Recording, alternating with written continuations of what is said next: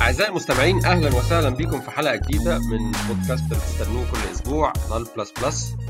معانا النهاردة الحلقة رقم 24 عايز أرحب بالناس اللي بتسمعنا بودنها وبتشوفنا بقلبها. ومعانا النهاردة مهندس خالد. ازيك يا أستاذ خالد؟ أهلا أستاذ ألفي. إزيك. عامل إيه؟ الحمد لله. في الأول طبعا الله. لازم أرحب بزميلي وصديقي الصدوق محمد لؤي إزيك يا أستاذ لؤي أستاذ ألفي أستاذ خالد ازيكم عاملين إيه؟ أول مرة أخش كده على الضيف مباشرة و آه إزيك؟ كنت عارف اللي هو ال comic المشهور ده اللي هو بتاع آه، فيلم الناظر ده اللي عمال بيخبط. أنا هنا. أيوه بالظبط. اتفضل. زي النهارده النهارده حلقة تبقى ظريفة إن شاء الله. طبعا أعتقد في جزء منكم شاف ال thread العظيمة اللي خالد عملها عن اللي هو بعد ما عمل 100 interview في أمازون. وال thread انتشرت في كذا حد share ها على Egyptian Geeks وكذا حاجة. ومن هناك دخلنا على ال thread نفسها وقلنا لخالد والله الكلام ده جميل لو عندك وقت آه، نسجل حلقة نتكلم فيها في التفاصيل وهو يعني مشكورا رحب بالفكرة و- ويعني على طول بعدها في كام يوم أهو آه، بنسجل. فشكرا تاني ليك يا خالد ومنورنا النهارده. ربنا يخليك. أنا حقيقي سعيد إن أنا معاكم النهارده. يعني زي ما كنت قلت لكم قبل كده ربنا يجازيكم خير عن عن الفكرة العظيمة بتاعتكم دي. أنا متأكد إن في ناس كتير قوي في مصر يعني أو في في الوطن العربي خلينا نقول بي بيسمعوا البودكاست دي وبيتعلموا. يعني أنا بتخيل لو رجع بيا الزمن أيام الكلية كانت حاجة زي كده كانت هتفرق جامد معايا. فبالعكس أنا اللي شاكر ليكم جدا يعني. ممكن سريعا كده قبل ما نخش في الإيه اللي هي الموضوع الحلقة الدسم ده آه، تقول لنا سريعا أنت بقالك قد إيه في أمازون؟ كنت شغال فين قبل أمازون؟ يعني ندي الناس context شوية عن ال background بتاعتك. تمام أكيد طبعا. أه، هو أنا يعني ال experience بتاعتي scattered شوية يعني أو متقطعة. أه، أنا بقالي في أمازون حوالي أربع سنين. أم، بدأت متهيألي 2016 أم، أم، شغال يعني as software engineer ميولي أكتر شوية ناحية ال backend يعني. هتلاقيني من الناس اللي هم بتوع ال backend اللي هو بيحاولوا دايما يبقوا في ال backend أكتر شوية من ال frontend بس يعني ما يمنعش برضه لو لو في شغل frontend يعني. قبل قبل امازون كنت شغال في شركة تانية برضو. يعني في ناس designers ممكن يعرفوها أكتر. أه، الشركة دي اسمها Prezi هي بتعمل كده presentation software آه طبعا. ما حدش ما حدش ما يعرفش Prezi بتهيألي. يعني دي دي الناس حتى اللي مش في ال tech عارفة Prezi من ال presentations بتاعتها. آه هي هي هي بت compete شوية في حتة إن هي يعني it's cool presentation software يعني تقدر أنت عارف تعمل حركات بقى اللي هو ت zoom in وت zoom out it's very helpful يعني لو أنت بتحاول تركز على ال visual content يعني. أم، اشتغلت فيها يعني حوالي تقريبا ما يقرب من السنتين تقريبا أو سنتين ونص يعني. actually دخلتها الأول as as intern عملت intern فيها وبعد كده أم، خدت offer يعني full time قبل Prezi كنت شغال في مصر كنت شغال في Orange Orange Labs. اشتغلت فترة حوالي ما يقرب من السنة تقريبا يعني. أه، وقبلها يعني كنت شغال في مايكروسوفت في مصر برضو. اشتغلت فترة قليلة هناك أنا كان عندي جيش وكنت محتاج أخش الجيش يعني ف فاشتغلت فترة قليلة يعني. بس أنا متخرج من من كلية حاسبات ومعلومات جامعة القاهرة. أم، دفعة 2012 تقريبا. آه الدفعة اللي بعد الثورة على طول يعني. فبس يعني هي ال experience يعني scattered شوية لأن آه، تقريبا في كل شركة اشتغلت في حاجات مختلفة خالص يعني. فلما كنت في مايكروسوفت كنت شغال آه، حاجات research شوية. آم، ما رحت اورنج اشتغلت يعني web services وحاجات من دي. لما رحت بريزي اشتغلت في ال performance بتاع ال rendering engine لما جيت امازون هنا اشتغلت شوية برضو backend web services بس يعني على scale أكبر و... وطبعا باستخدام حاجات بتاعت AWS يعني. فهي experience لطيفة so far يعني. أنا أنا كنت عايز أسألك على حاجة ليها علاقة ببريزي بس هخليها في الآخر بقى. يعني مش عشان ما, ما ناخدش ال conversation كامل الأول نوديها في حتة تانية. تمام. والله أنا كنت هسأل برضه بس بما انك قلت كده يا ألفي ماشي. بعد ما نخلص الحلقة. أول لو كده يبقى أنا وأنت نسأل بقى. يعني عشان برضه الناس هتبقى مستنية موضوع الحلقة أعتقد أكتر يعني ممكن نخليها البونص آه، برضه عشان الناس ما تتوهش معانا في الموضوع ده إحنا هنقسم ال- الموضوع عشان الحلقة زي ما يعني آه، خالد جاهز كونتنت دسمة شوية. فبالتالي هنقسم ال- غالبا الحلقة هتبقى حلقتين. الحلقة الأولانية هي هتبقى عبارة عن الجيرني بتاعت أي حد آه، عايز يشتغل بره. إيه الحاجات اللي محتاج ي consider ها فدي حلقة عامة آه، هوليك- helicopter view كده من فوق على كذا نقطة معينة هتساعد الناس في ال process كلها from A to Z. الحلقة الثانية اللي بعدها هتبقى مخ... يعني هتبقى مركزة عن ناحية اللي هو إزاي prepare for the interview من كل حاجة ال content ال technical stuff مش technical leadership كل الكلام ده. فإحنا ال- الحلقة دي المرة دي هنركز على ال overview ونبتدي بأول نقطة أنا يعني كنت آه، يعني آه، أول ما شفتها آه، شفت النقطة دي وأنت حاططها في ال document يا خالد استغربتها الأول شوية بس يعني شايف إنها making sense اللي هي حتة اللي هو أنت ليه الناس و- أو أنت كنت كاتبه بالظبط هو why should people apply for big companies فأنت كان إيه قصدك في النقطة دي؟ وكنت عايز تقول إيه في الموضوع ده؟ تمام. متهيألي في كذا حاجة كنت عايز أتكلم فيهم يعني. حاجة حاجة متعلقة بمصر شوية ومتهيألي برضو ممكن يبقى في الوطن العربي وحاجة تانية ليها علاقة برضو بطبيعة الشغل يعني. أول حاجة من الفيدباك اللي بسمعه من الناس دايما إن في كده sense إن الناس عايزة تشتغل في big companies ومثلا لو هنخص بالذكر هم تقريبا ثلاثة companies بس. بس الدوافع ما بتبقاش ما بتبقاش دايما ليها علاقة بالشغل. يعني في ناس بت مثلا قاعدة عريضة بشوفها في مصر ال- الدماغ عندهم هي عبارة إن أنا عايز أشتغل في شركة كبيرة عشان أخرج بره مصر مع إن الاتنين مش مرتبطين ببعض قوي. آه، فاهم قصدي؟ يعني أنت ممكن تخرج بره مصر وممكن تشتغل في شركة كبيرة وممكن تعمل الاثنين بس أنت محتاج تحدد هدفك. يعني يعني لو أنت لو أنت هدفك إن أنت تبقى good software engineer انت أكيد تقدر تعمل كده في مصر. يعني ما تخل... ما, تح... ما... ما تفتكرش ان ان انت ما تقدرش تعمل كده جوه مصر. آه، أنا على المستوى الشخصي اعرف ناس كتير جدا اشطر مني وانجح مني مئة ألف مرة. آه، شغالين في مصر. آم، وفي ناس بره بره مصر يعني عادية جدا وفي يعني انت فاهم قصدي؟ ف... فانا الحتة دايما اللي بحب اوضحها للناس ان هو حدد حدد انت عايز تعمل إيه. آه، ولو انت عايز تشتغل في شركة آه، عشان بهدف إن أنت تحسن من مستواك ك software engineer مش بس ال big companies اللي هتعمل لك كده العالم مليان شركات آه، مش م- مش لازم تحصر دماغك بس في إن أنا لازم أشتغل في في اللي هم الثلاثه الكبار المشهورين يعني اللي بيسموه أو بيسموهم فان كومبانيز يعني. آه، لأن لأن لأن يعني الحياة أوسع من كده. ده اللي ده اللي كنت عايز أتكلم فيه شوية. والله أعتقد يعني آه، نقطة يعني النقطة دي أثارت خلاف أو جدل قبل كده كتير ودايما حتى ألفي كان بيتكلم آه، كذا مرة اتكلم في النقطة دي. عايز تقول حاجة يا ألفي في النهاردة ولا لأ؟ أنا يعني آه، متفق مع خالد يعني في حاجات كتير. هو ده بيتشابه مع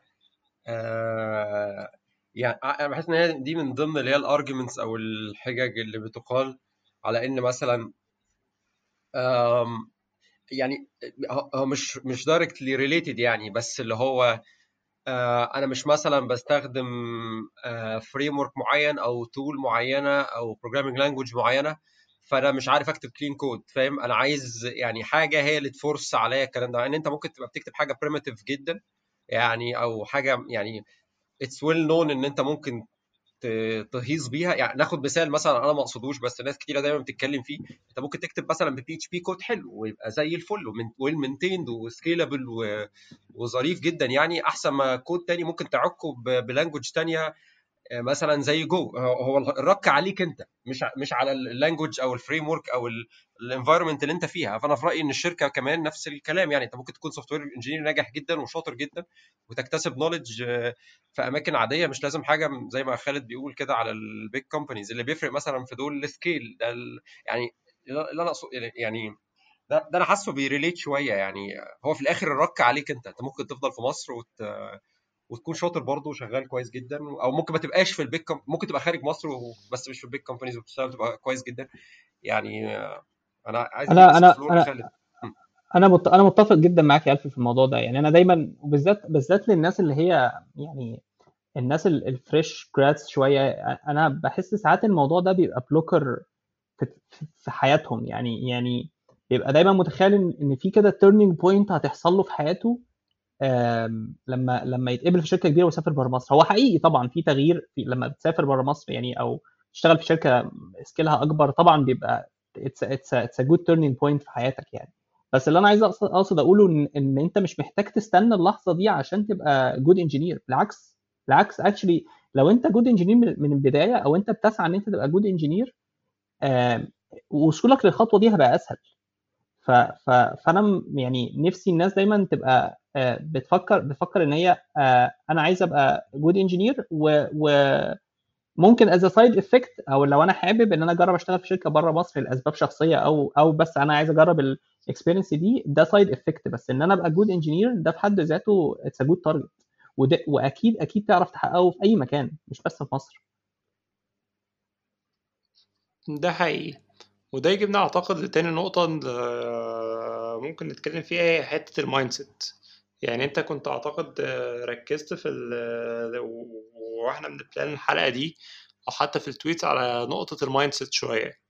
فممكن تكلمنا يعني شوية عن ال mindset وهو الناس تبتدي إمتى ممكن تبتدي ت prepare للموضوع ده. أنت قلت حاجة كويسة دلوقتي إنك ممكن مش لازم أول ما تتخرج أنت ممكن لأ أنت لو حاولت تبقى software engineer كويس ده ممكن يسهل لك الموضوع. فهو زي ما انت قلت ده عبارة عن mindset فاحكي لنا شوية عن ال mindset في النقط دي. إيه، تمام. هو هو أنا النقطة دي دايما بالنسبة لي برضو آه زي ما كنت بقول في النقطة اللي فاتت هي فكرة آه لما لما حد يجي يقول لي آه أنا محتاج أحضر أنا عايز أقدم في شركة فنتكلم فيقول لك أنا عايز أحضر الانترفيوز فتحس الموضوع تقيل. يعني تحس إيه ده أنا محتاج أعمل كل ده؟ بينما هي الفكرة كلها إن إن إن أنت ممكن تبدأ بدري. يعني يعني أنا دايما مقتنع ده رأيي الشخصي. عملها في ناس بتختلف معايا في الموضوع ده. أنا رأيي الشخصي إن أنت كمستواك كإنجينير ما بيعلاش قوي وأنت بتحضر لل interviews هو اللي بيحصل إن أنت بتاخد جرعة مكثفة في فترة قصيرة. يعني let's say مثلا أنت عندك interview كمان شهر أو كمان شهرين.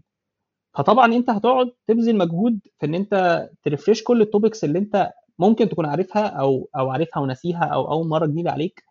آه تبتدي تحل مثلا problem solving أو تكتب كود أكتر وهكذا.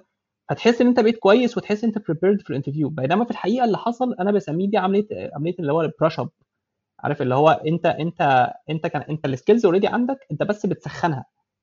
بينما بينما انت مجهودك و experience بتاعتك هي الفترة اللي انت بنيتها طول الفترة اللي فاتت طول السنين اللي فاتت.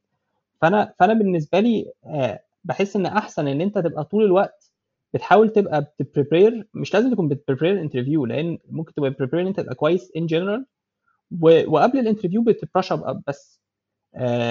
من الحاجات المشهورة برضو ممكن نتكلم عنها بتبين قوي النقطة دي. متهيألي أنت إحنا إحنا قلنا هنتكلم عنها في الحلقة الثانية بس أنا ممكن أ mention يعني بسرعة فكرة ال ال إن إن الناس بتتكلم إن دايما ال system design interview صعبة. أو يعني بيقول لك أنا دايما أصعب interview بالنسبة لي هو إن أنا حد يقول لي design system فلاني. الفكرة في إيه؟ الفكرة الفكرة إن إن هي صعبة عشان أنت مش بتحاول تحط نفسك في الموضوع ده من زمان. أنت أنت بتحاول تحط نفسك قبليه في قبليها بشهر مثلا.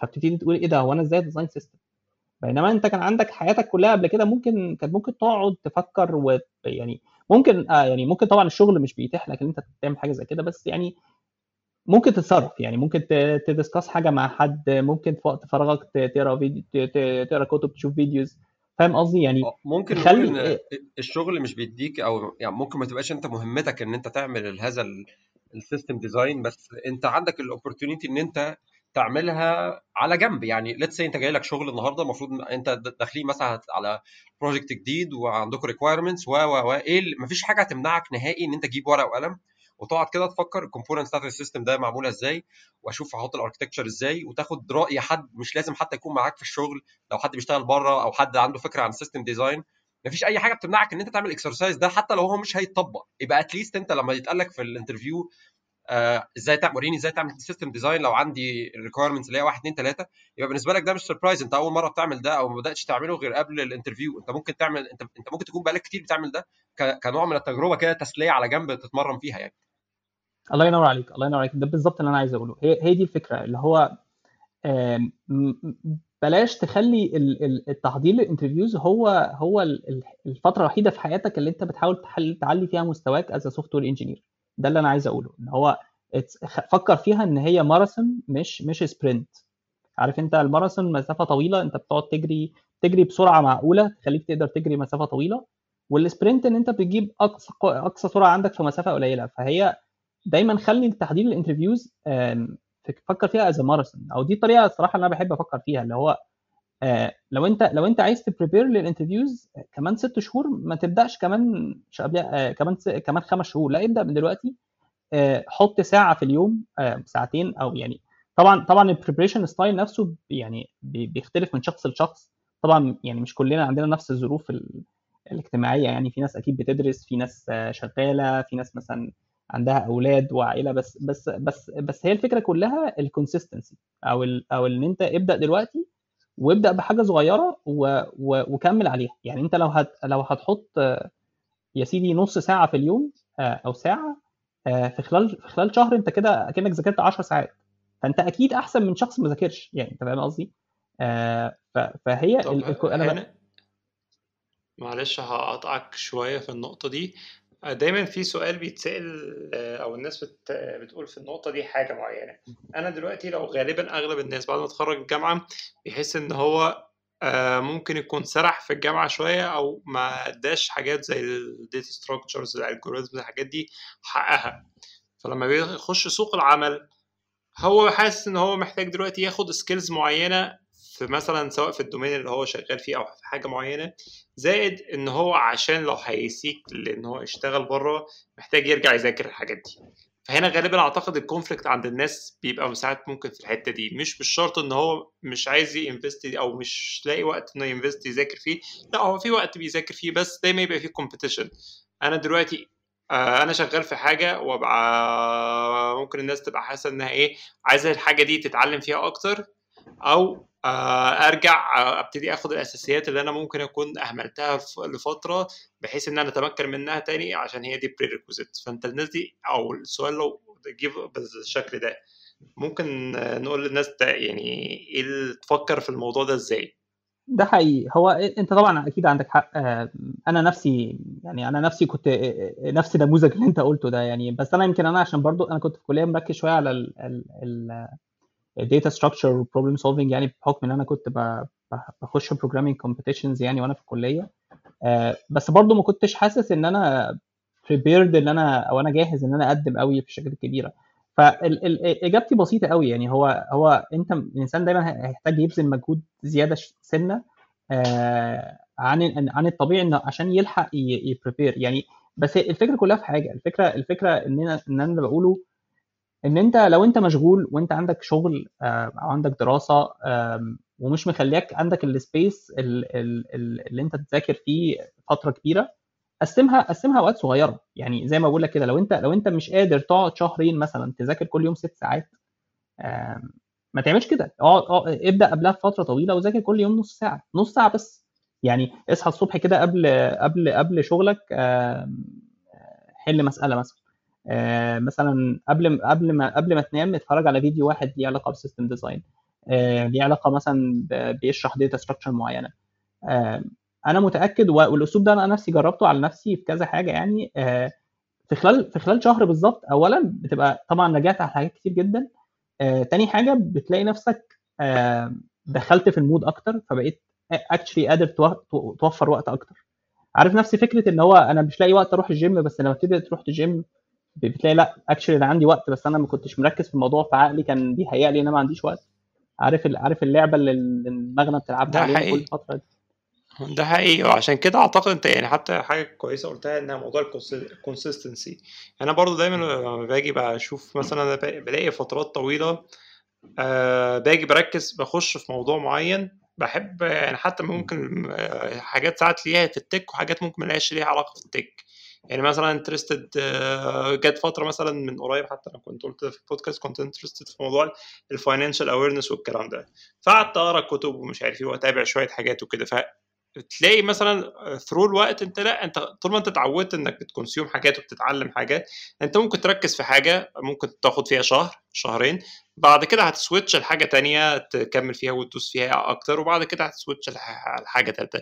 فأنت زي ما أنت قلت لو هو شخص ابتدى من بدري عود نفسه على الموضوع ده إن هو بيحاول مع الوقت إن هو بيزود إن هو مش عايزين نسميها مذاكرة أصل هي دي هي هي رحلة الحياة كده هي هي موضوع تعلم في الآخر. فأنت اتعلم ويساعدك تتعلم انك الحاجات اللي هي انت interested فيها. طول ما انت بتحاول تتعلم حاجة interested فيها وحاببها الموضوع هيبقى أسهل. فأنت لو جيت حاولت الموضوع ده زي ما انت قلت من بدري لا طبعا هيفرق انك لما هتيجي بعد فترة هتلاقي نفسك cover ت حاجات كتير كل الحاجات دي في, في دماغك.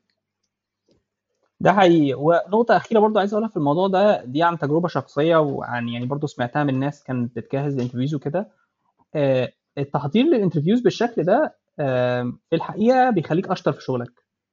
يعني آه، حتى لو مش أشطر في ال technology اللي أنت بتستخدمها في الشغل بيديك إحساس positive إن أنت شاطر أو إن أنت قادر تركز في ال basics وفاهم كل حاجة في ال basics وفاهم system design فبيديك كده دفعة إن أنت تبقى شغال أكتر أو أو أنت productive أكتر في شغلك.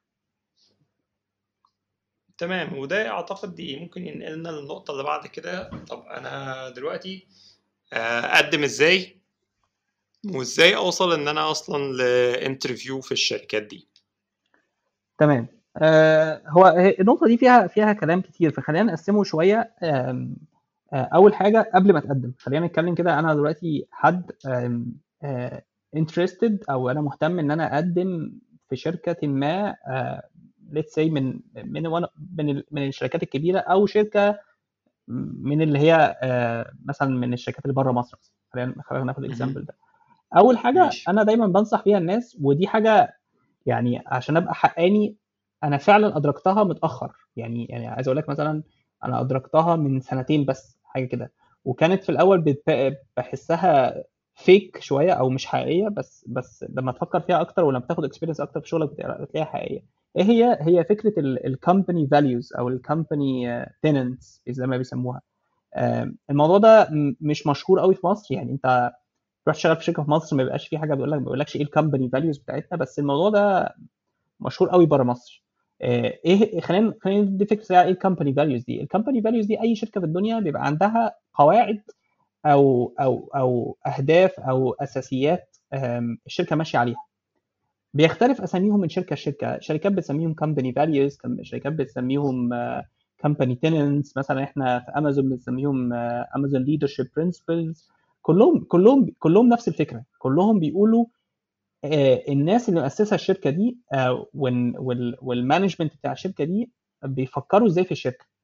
طيب أنا ليه بقول أو أنا ليه بتكلم في النقطة دي؟ لأن النقطة دي حقيقي حقيقي فعلا مهمة لكذا سبب. اولا بتقول بتديك فكرة انت رايح على إيه؟ يعني انت رايح في community أو في مكان بيفكر إزاي مهتم بإيه؟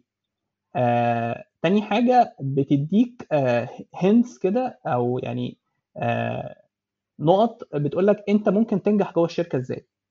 يعني آه، اتنين ممكن يخشوا الشركة آه، نفس المستوى technically بس مثلا بعد سنتين هتلاقي مثلا team واحد آه، بقى أشطر كتير من التاني واحد اترقى أسرع آه، ممكن تلاقي التاني مثلا ساب الشركة. فتتكلم معاهم تلاقي ممكن ال- ال- الشخص اللي, ساب الشركة أو الشخص اللي هو مش مش حاسس إن هو ب ي act كويس جوه الشركة غالبا بغض النظر عن عن الحاجات ال technical هو من جواه مش متفق قوي مع ال core values بتاعت الشركة أو اللي بيسموهم ال principles أو اللي بيسموهم ال values النقطة دي أنا كنت فاكرها ك hacks يعني أنت يعني فاهم في الأول اللي هو يا عم بس خلينا نقدم ربنا يسهل لما نخش. آه، أنت فاهم؟ آه أنا أنا أنا ده ده بتكلم كلام ده اللي هو كلام بيضحكوا بيه على الناس جوه الشركات بس عشان إيه يعني يشدوهم آه. وبعد كده لا يا عم إحنا عايزين ناكل عيش وخلاص نخش بس. وخلاص بالظبط. وأنا وأنا بقول لك أنا يعني حقيقة مش هكذب عليك أنا كنت بفكر كده يا عم ماشي قشطة يعني أنا آه أنتوا عايزين حد بيقول كده أنا هقول لكم كده في الانترفيو يعني مشاكل. انت فاهم قصدي؟ آه بس بس بس في الحقيقة لأ فعلا فعلا بتفرق. آه آه شخص ممكن يبقى شاطر جدا technically وتلاقيه مش ماشي جوه الشركة وتلاقيه متضايق. ليه؟ لأن لأن لأن لأن هو هو هو مش متفق مع ال culture دي. يعني تخيل أنت مثلا آه، مثال بسيط يعني بغض النظر عن. عن اسامي الشركات يعني مش بلا- بلاش نتكلم عن أسامي الشركات. أنا مرة في شركة قدمت فيها شركة مشهورة جدا يعني. أنا من النوع ال- ال- اللي بحب جدا ال test يعني أنا بالنسبة لي أنا مش أنا مش يعني مش test driven development يعني مش من النوع اللي هو بكتب ال test قبل ما أكتب الكود بس يعني أنا بحب موضوع ال testing قوي ولازم يبقى فيه unit test و integration test و feature test وكلام من ده يعني. فكنت عملت interview في شركة فوجئت إن هو جوه ال interviews بيقولوا لي لا إحنا مش بنهتم قوي بال testing كده. إحنا إحنا يعني آم، بنطلع ال production و... و... وعندنا system كده بي... بي detect ال defects بسرعة و... ولو في حاجة بن roll back إحنا value driven آه يعني هو هي كانت وجهة نظرهم كده. وهم ناك... كانت شركة ناجحة. يعني يعني وعندهم آه يعني قال لك إيه المشكلة لما ال user يدوس على حاجة وتطلع ضربة؟ عادي هي... هي refresh ال page ك- الكود بتاعنا هيكون حصل له roll back مش هيشوفها تاني. تمام؟ آه آه، على الرغم إن أنا خدت آه، خدت offer من الشركة دي أنا ما رحتش. لأن لأن لأن أنا بكل بساطة أنا كنت عارف إن أنا يعني هبقى متضايق جوه الشركة. يعني أنا أنا هاجي هاجي أتكلم مع ال team بتاعي أقول لهم يا جماعة لأ لازم ندرس هيقول لك لأ هي الشركة أصلا يعني مش مش بتشجع على كده. فده ده مثال بسيط ليه ليه الناس ممكن تفكر في حاجة زي كده. أنت في الأول في بداية حياتك زي ما قلت الموضوع ده مش هيبقى باين لك قوي بس يمكن بعد ما تاخد كام سنة experience هتبتدي ت- تبص على ده فخلينا ما نخشش أكتر من كده في النقطة دي. أنا أنا بس عايز آه أقول لك على حاجة since we're mentioning يعني عشان أنا آه. كنت سمعتها ليها علاقة باللي هي ال Amazon leadership principles يعني كان في زميل ليا كان حتى even ال recruiters لما كانوا بيكلموهم كانوا بيقولوا آه. لهم اللي هو بص روح اقرأ عن ال leadership principles وأنت تتسال فيهم وهيتقال لك قول مواقف مشابهة لحاجات بت resonate عندك في X Y Z فانت يعني قبل ال interview اقعد كده فكر مع كل principle ألف موقف يعني ده literally كان بتقول بيتقال من ال recruiters تحس ان هو امم يعني هم للأسف حتى ممكن يكونوا بيهيئوا الناس اللي داخلة الشركة بغض النظر بقى كانت امازون أو غيرها عن إن آه ده بس كلام شكله حلو عشان تعدي بيه ال interview. لكن مش زي ما انت بتقول. يعني فاهم إزاي؟ آه. آه لا لا طبعا. يعني لو لو هنتكلم على امازون يعني دي حاجة public يعني مش بقول حاجة secret لا خالص فعلا. Amazon Amazon بتهتم آه، جدا جدا بال leadership principles يعني زي ما انت قلت فعلا ال recruiters وحتى على Amazon Amazon Jobs يعني بيقول لك إحنا هنسألك في ال leadership principles لو سمحت جهزهم يعني مفيش أكتر من كده. يعني أنا آه، وحتى وحتى حاطين حاطين examples على الأسئلة اللي هتتسألها. فيعني شركات تانية مثلا زي زي فيسبوك مثلا كنت شفت لهم قريب إن هم على على ال careers page بتاعتهم آه، بيقول لك بيقول لك إحنا هنسألك أسئلة شبه الشكل الفلاني لو حضر المواقف ال- الفلانية في في, ال في ال career بتاعك. فده يوريك قد إيه النقطة دي مهمة يعني. فخلاصة القول يعني آه، حتى جوجل يعني معلش اقطعك حتى جوجل في آه. الحتة دي هو بيبعت لك زي files كده فيها الكتب اللي بتذاكر منها. آه. يعني يعني يعني يعني بالظبط يعني ده ده بيوريك قد إيه الموضوع مهم. بس. فاللي أنا كنت عايز أقوله إن يعني أول خطوة كده آه، عشان تقرر طبعا إيه الشركة أنت عايز تقدم عليها. طبعا في عوامل مختلفة. الشركة دي قد إيه أنت مشدود لها. ممكن يكون في product هي بتعمله أنت بتحبه آه، اسمها شدك شايف ناس شاطرة شغالة فيها whatever يعني. آه، اقرأ اقرأ فعلا company values لأن زي ما قلت ده اولا هيديك insight عن عن عن هي تعمل إيه وهيديك hint أنت محتاج تحضر عن إيه تمام؟ النقطة الثانية اللي برضو ليها علاقة بالنقطة الأولانية آه، محتاج تحضر ال CV بتاعك. آه، وطبعا أنا أنا أنا هقول لك رأيي في ال CV من وجهة نظر ال software engineer industry يعني ما مش بحاول a generalize فيعني كلامنا ده مش بينطبق على أي حاجة يعني. بس آه، بس ال CV usually مش محتاج يبقى أكبر أكتر من صفحتين متهيألي لو أنت ال experience بتاعتك would say يعني 10 years of experience يعني. مش مش مش محتاج تحكي كتير قوي في ال CV بتاعك. آه، أعتقد من الحاجات اللي مرة حد من ال recruiters في الشركات اللي أنا اشتغلت فيهم قالها لي يعني آه، وحتى سمعتها يعني عن اونلاين كتير قوي ان إن usually ال recruiters مش بيقروا ال CV بتاعك أكتر من أول 10 سطور تقريبا. وبياخدوا قرار على الموضوع ده هي هي هي proceedوا معاك ولا لأ. طبعا ما يقدرش ن generalize ال rule دي بس ده دي دي حاجة يعني ممكن تحطها في دماغك كده اللي هو آه، ال- الشخص اللي قاعد الناحية الثانية اللي بيبص في ال CV بتاعي بالذات للشركات الكبيرة آه، انت متخيل هو بيجي له كام CV في اليوم؟ يعني هو هو بيجي له كتير جدا آه، فهو ما فيش وقت عنده يقرأ كل التفاصيل بتاعت ال CV بتاعك. فانت ال- ال- الشاهد من النقطه دي ان انت تحاول دايما تحط الحاجات المهمة في ال CV بتاعك في الأول فعلا في أول أول 2 3 paragraphs يعني يعني ما, تضيعش المساحة دي مثلا في إن أنت تحكي آه، عن آه، عن فاهم أنت الرياضات اللي أنت بتمارسها مثلا. أنت فاهم قصدي؟ آه، وده وبرضه تقدر من ال company values تعمل CV مختلف لكل شركة. ودي حاجة برضو الناس الناس مش بتصدقها بس هي أنا شفتها قدام عيني بتجيب نتيجة. يعني انت ممكن نفس ال C... نفس ال experience بتاعتك تكتبها بطريقتين مختلفتين طريقة تشد شركة وطريقة ما تشد شركة ثانية ليه؟ لأن انت ممكن يبقى عندك experience أو project في حياتك أو في حاجات اتعلمتها مناسبة قوي لل role اللي انت مقدم فيه ومناسبة قوي لطبيعة الشركة دي. ف... فأول ما هتكتبها هتشد عينهم. في شركة تانية الموضوع ده مش مهم بالنسبة لها جدا ف... فهت... عينيها هتعدي على الكلام ده ومش هتهتم وممكن ما تكملش ال CV بتاعك وممكن ما تكملكش. آه... ما تكلمكش اسف ف... ف... ف... ف... من النقطة الأولانية اللي قلت عليها من ال... من الأسباب اللي أنت محتاج تقرأ برضو فيها عن ال company values وعن ال role عامة اللي أنت مقدم فيه هو إن أنت تعرف تحضر ال CV إزاي. آه، وطبعا في يعني يعني مش محتاجين نتكلم كتير في الموضوع ده. في في طبعا websites كتيره اونلاين وكورسز ويعني ناس كاتبة articles إزاي تكتب CV صغير آم، شكله كويس يعني تستغل المساحة على قد ما تقدر. الحاجات دي مهمة جدا. وطبعا برضو من الحاجات ال- ال- ال- ال- المهمة جنب ال CV هي ال cover letter يعني دي حاجة برضو أنا تقريبا بهتم بيها زمان. ما فيش شركة مش كبيرة مش بتطلب cover letter وأنا كل مرة وأنا ببص على حاجة بروح اقرا أشوف طب sample يعني cover letter versus ال CV. فاه يعني من فضلك إيه highlight كده الحتة دي لأن يعني دايما الناس آه. بتسأل برضه آه هقول هقول لك ال cover letter مفيد في إيه. ماشي؟ آه، أول حاجة ال cover letter joker يعني أنت ممكن تستخدمه في كذا حاجة. زي إيه مثلا؟ زي إن أنت طبعا أنت ممكن تبعت CV وتبعت ال cover letter فزي ما قلت ال recruiter ممكن يقرر إن هو يدخلك ال interview process مجرد بس من قرايته لل cover letter يعني هو لو أنت كاتب cover letter بيقول أنا أنا الشخص الفلاني مقدم على ال job دي عشان أنا شايف إن أنا أقدر أفيد الشركة بواحد اتنين تلاتة وال skills بتاعتي واحد اتنين تلاتة. آه وأنا قريت عن الشركة كذا وحابب إن أنا وعاجبني قوي ال values دي وحابب إن أنا أقدم. ال- ال- الخمس ست سطور دول آه، عرفوا ال- سواء ال hiring manager أو ال recruiter حاجات كتير قوي عنك. سمري كده لذيذ أكتر من هو في وده هو ده المطلوب يعني هو ال recruiter بيبقى ال recruiter وظيفته إن هو آه، بيبقى عايز يدخل ال CVهات اللي هو شايف فيها نجاح. فلو أنت كاتب حاجة زي كده بطريقة منمقة أو طريقه يعني concise شوية زي ما بيقولوا يعني فده بيعلي ال- الاحتمالية بتاعتك إن إن ال CV بتاعك يخش ال process تاني حاجة أنا بحسها دايما مفيدة قوي ودي برضو نقطة ثالثه كنت عايز أتكلم فيها إن أنت إن أنت إن أنت عشان تتقدم في الشركة مش الطريقة الوحيدة بس إن أنت تفتح ال- ال website بتاع الشركة وتجيب ال jobs tab وتختار ال job وتقدم فيها. لا. آه، في طرق تانية كتير ومتهيألي يمكن ساعات تبقى فعالة أكتر من ال من ال من ال فكرة التقديم على ال website. أبسط مثال مثلا LinkedIn. آه، طبعا يعني معظم الناس طبعا عارفة طبعا LinkedIn يعني آه، آه، أنت ممكن تخش في LinkedIn وتفلتر أو ت search على ال recruiters اللي في شركه فلانيه يعني شوف أنت عايز تقدم فين وتدور على ال recruiters دول.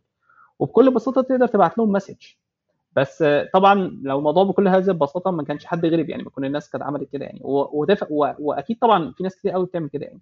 بس إيه إيه الفكرة اللي هتميزك؟ الفكرة اللي هتميزك أنت ممكن تبعت ال cover letter وأنت بتبعت تكلم recruiter يعني مثلا تقول له لو سمحت أنا أنا عايزك ت considerني في ال في ال في, ال في ال job الفلانية وده cover letter سريع كده بيتكلم عن عن أنا عن ال experience بتاعتي ولو في فرصة قول لي وأنا هبعت ال CV فال message بتاعتك دي أقوى بكتير من حد بيخش يقول hi آه، لو سمحت آه، عايز أقدم على ال job ده ده ال CV بتاعي. فاهم قصدي؟ لأن أنت لأن لأن أنت سهلت على ال recruiter شوية اديته اديته طريقة أبسط يقيمك. آه سريعا برضه أقول نقطة ثانية وبعد كده ه pause ولو لو أنتوا عندكم نقطة عايزين تقولوها نقطة ال referrals يعني طبعا كلنا عارفين إن أنت يعني بشكل أو بآخر ممكن توصل لحد آه، أنت تعرفه في شركة من الشركات اللي أنت عايز تقدم فيها سواء ده جوه مصر أو بره مصر يعني. آه، الفكرة في ال referrals ان ان آه، في شركات بتطلب إن أنت تبقى عارف الشخص اللي أنت بتقدم له ده يعني عارفه professional اشتغلت معاه يعني you're willing to recommend ال person ده يعني. وفي شركات تانية بتقول لك لا مش مشكلة لو أنت بس يعني إيه آه عندك على ال network بتاعتك آه مش مشكلة قدم له. آه فطبعا فطبعا انت بتسهل كتير قوي على على الأشخاص اللي انت بتعمل لهم اللي هم بيعملوا لك referral دول إن انت تبعت لهم cover letter أو إن انت ت summarize كده ال experience بتاعتك. يعني أنا لو حد مثلا دخل بعت لي قال لي إزيك يا خالد أنا عايز عايز أقدم في امازون وبعت لي ال CV بتاعي مش هكدب عليك مش مش مش طول الوقت بعرف يعني أرد. ساعات بنسى ساعات بيسقط مني ساعات ببقى ببقى ناوي أقدم وما اقدم ما أقدمش. بس طبعا في فرق لما حد يخش يعمل كده ويبعت لي cover letter ويقول لي أنا ال experience بتاعتي 1 2 3 4 على الأقل على الأقل الشخص ده إداني كده سمري عن نفسه أنا أقدر آخد أبقى واخد ال CV بتاعه وأنا مطمن شوية إن أنا بعمل referral لحد أنا عارف ال experience بتاعته وعارف هيفيت في الرول ده ولا لأ. فاهم قصدي؟ آه وبالذات زي ما قلت إن إن إن, إن في شركات بتقول إن يعني موظفينها ما تقدمش لأي حد قدم لأشخاص اللي أنت شايف إن هم مناسبين بدرجة كبيرة. فالشخص ده غصب عنه محتاج لما حد يجي يبعت له يقول له سمحت دخل لي ال CV محتاج إن هو يبذل مجهود في إن هو يفهم الشخص ده فعلا مناسب لل role ولا لأ. فمن أنت عندك CV صغير أو يعني مظبوط وإن أنت في نفس الوقت عندك cover letter أنت بتعلي ال probability إن أنت الشخص ده يقدر ي consider ال CV بتاعك ويدخله جوه الشركة. أعتقد كده بكرة هتلاقي آه، في 100 أو 200 message request جايين ب cover letters يعني ما عنديش أنا حقيقي ما عنديش مشكلة. يعني يعني فعلا يعني أنا نفسي نفسي طبعا الناس توصل وكده. بس زي ما قلت يعني هو هو ال cover letter بيبقى جوكر عشان في كذا حاجة. هي الفكرة في الآخر الناس تبقى يعني فاهمة فكرة إن هو لما يعني تشوف وجهة نظر الشركة في الموضوع ده إن هو بيتقدم له ناس كتير. فبالتالي هو محتاج ي filter ال stand out يعني مثلا قلنا لو هو بياخد ألف أو هو محتاج مثلا خمسة في المية بس اللي يقدمه. فلازم هياخد مش هيقدر مفيش حاجة scientifically موجودة هتقول له هتعرف الشخص ده كويس من مش كويس إزاي. فهو قدامه هياخد 5% مثلا من كل الحاجات دي. فلازم يبقى في حاجة ت stand out عشان يعمل كده. هي إيه اللي بت stand out دي محدش يقدر يقول يقول لك هي إيه أو مش إيه. هو أنت لما بتجتهد زي ما أنت قلت لما بتعرف أكتر عن المكان وتعرف وكمان أنت يبقى لك فترة أنت عارف نفسك عارف نفسك إيه ال strength points بتاعتك الكلام ده. ده هيسهل الموضوع ده. بالظبط كده. الله ينور عليك. أعتقد كده ممكن آه، يعني نمشي نروح لتاني نقطة أو النقطة الرابعة اللي هي نقطة أنواع ال interviewهات. طب أنا كده قدمت وغالبا ممكن يكون recruiter تواصل معايا فبالتالي في إيه expect إيه بعد كده؟ تمام. آه، آه، طبعا هو في في في أنواع interviews مختلفة طبعا حسب الشركة وحسب يعني ال role اللي بقدم فيه فبس أنا بس أنا يعني من أقول لك اللي أنا أعرفه عن لما أنت بتقدم في الشركات اللي هي المشهورة من ناحية ال general software engineer role يعني إحنا بنتكلم على حد مش مش مش مش very specific ناحية technology معينة مش مش مثلا Android engineer أو iOS engineer أو يعني فاهم قصدي؟ إحنا بنتكلم على ال على ال role بتاع ال general software engineer اللي هو بيغطي 80% من من الناس يعني. آه، آه، في في كذا نوع. في أول أول حاجة طبعا ممكن ممكن يبعت لك حاجة اسمها code assessment code assessment دي أو يعني في شركات تانية بيسموها online test أو أو أو online task أو يعني هي أسامي مختلفة بس هي اختلفت الأسامي والحاجة والهدف واحد يعني.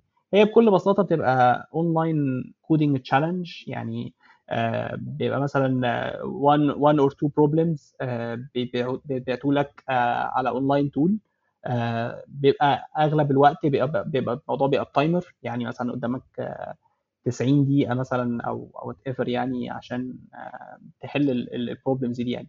ويبقى الهدف الأساسي من ال problems دي غالبا بيقيس ال coding skills بتاعتك يعني بتبقى most of the time مسألة كده يعني hypothetical شوية يعني موقف مش حقيقي شوية. آه، بس يعني بيبقى مطلوب منك تكتب كود آه، طبعا بي- بيبقى الكود ده بيت- بيتقيم على كذا كذا حاجة. أول حاجة طبعا ال coding skills بتاعتك وأنت قدرت تحل ال problem ولا لأ. طب لو حلتها هل الحل efficient من يعني من ناحية ال memory ومن ناحية ال runtime الكلام ده طبعا كله ممكن نتكلم عليه في ال- في الجزء الثاني من الحلقة يعني. ال ال ال وطبعا بيقيم عليه حاجة طبعا تانية وطبعا الموضوع ده بيبقى ليه weight أكتر كل ما تبقى يعني more senior هي ال code quality يعني آه، آه، مش مش بس انت شخص بيعرف يكتب كود آه، لا كاتب الكود إزاي مقسم ال ال ال الكود إزاي عامل هل عامل classes عامل modules يعني في components ال namings يعني عارف هي الحاجات كلها اللي موجودة جوه clean code الكتاب بتاع clean code هي برضه دي من الحاجات اللي بتقيم عليها يعني. آه، برضو في شركات تانية بتعمل حاجة مشابهة لده آه، بتبقى اسمها take home task يعني. ودي دي بتبقى مدتها أطول شوية يعني بدل ما يديك 90 دقيقة آه، بيديك مثلا يومين ثلاثة يعني وبيديك task offline كده تشتغل فيها.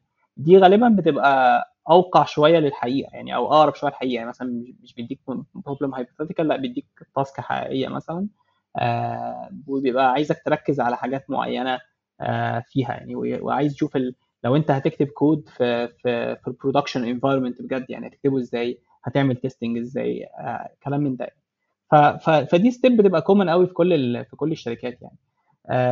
ال step الثانية برضو very common يعني هي هي ال phone screen دي دي دي من اسمها كده ببساطة هو بيبقى في ميعاد بتحدده بيتصل بيك شخص engineer غالبا. آه، وفي شركات بتقسم ال phone screen ده to two calls يعني في كول مع الريكروتر وفي كول مع الانجينير الكول مع الريكروتر غالبا بتبقى قبل ال call مع ال engineer وساعات كمان بتبقى قبل ال code assessment آه ودي بتبقى يعني بي بي ال recruiter بيدردش معاك بيشوفك good fit ولا لأ. شوف انت interested في roles عاملة إزاي عشان في شركات ساعات انت ممكن تقدم عندهم as general software engineer وهم بقى من جوه بيشوفوا الشخص ده بي fit لإيه. فدي ال call دي الحاجات دي كلها ال recruiters بيقدر يكتشفها يعني. اللي لازم نتكلم فيه شوية دلوقتي هو ال هو ال phone screen نفسه اللي هو مع ال مع ال engineer يعني. ده غالبا بيبقى mixed bag كده من كذا حاجة يعني. هي وظيفة ال phone screen دي غالبا بتبقى هو بي بيبقى هو ال ticket بتاعتك للمرحلة اللي بعدها. بمعنى إن أنت لو عملت كويس غالبا بتعدي ما عملتش كويس غالبا مش بتعدي يعني. آه وفي شركات بتعمل بت- بتدي فرصة تانية وثالثه يعني. أنت ممكن تعمل نص نص في ال phone screen الأولاني فهتلاقيهم بعتوا لك another phone screen يعني فتعمل فيه كويس فتعدي أو ما تعمل فيه كويس ما تعديش حسب يعني. بس هو آه، ال- ال phone screen غالبا بيبقى بي بي بيقيم حاجات كتير قوي يعني. هو ممكن تلاقيه مثلا آه، آه، بي بيركز تاني على ال coding skills حسب الشركة مهتمة بالموضوع ده قد إيه. ممكن يكون بيركز شوية على ال على ال system design ممكن يسألك شوية أسئلة in general about يعني ال- ال- اللي هي ال programming knowledge general. آه، حاجات من دي. طبعا طبعا لما نيجي نتكلم في ال preparation إزاي تحضر كل حاجة دي هتكلم في كل حاجة إزاي إزاي إزاي تركز فيها يعني. آه، بس فلو عديت من ال phone screen غالبا بيبقى في onsite loop زي ما بيسموها يعني أو onsite interviews دي من اسمها يعني كده الشركة طبعا بتحاول آه، تجيبك آه، في المقر بتاعها. طبعا دلوقتي الظروف اللي إحنا فيها في العالم مش ما فيش حد بيعمل كده خالص يعني. كله بي بيعمل online interviews يعني. آه، بس يعني خلينا نتكلم على عصر ما قبل أو ما بعد الكوفيد. آه، آه، الشركة الشركة بتجيبك onsite يعني بت- بتسفرك. طبعا لو أنت مثلا يعني من قارة تانية أو من بلد بعيد طبعا بيت- بيتولوا قصة الفيزا وال والتذاكر الطيران وكل الكلام ده. يعني المهم هم هدفهم إن هم يجيبوك يعني تعمل interviews face to face معاهم. وغالبا ال interviews دي عددها بيختلف جدا ما بين شخص لشخص وما بين ال role role role role و company ل company يعني بس usually ما بيبقوش قليلين. يعني من من من اللي أنا شفته في الشركات يعني آه، آه، بيبقوا عددهم at least أربعة ممكن يبقوا خمسة ممكن يبقوا ستة. يعني حسب حسب آه، حسب أنت ونصيبك. يعني هو الصعب الصعب فيها طبعا غير إن هم يعني غير إن هم إن هم technical interviews إن هم بيبقوا ورا بعض. يعني أنت تخيل كده أنت بتروح الشركة مقر الشركة الساعة 10 الصبح بتخرج الساعة 5 العصر. آه، فالموضوع بيبقى مج- مجهد mentally فطبعا دي برضو من الحاجات اللي ممكن نتكلم فيها في ال preparations اللي هو أنت إزاي تدرب نفسك على المدة الطويلة دي من التركيز. لأن غالبا مثلا بيبقى عندك let's say خمسة interviews مثلا آه، وفي مثلا ساعة break وغالبا الساعة ال break دي بيبقى قاعد بيتغدى معاك فيها أو أو بيتكلم معاك فيها شخص من الشركة فأنت برضو مش هتبقى هتبقى هتبقى مريح طبعا لأن هو مش interview بس هتبقى مركز معاه شوية.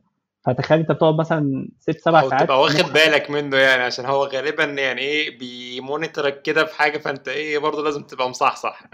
آه يعني هو هو يعني to be honest يعني هو من اللي أنا شفته في الشركات اللي أنا أعرفها يعني آه، ما فيش أي feedback بيتاخد عليك في في في الساعة اللي أنت بتريح فيها دي.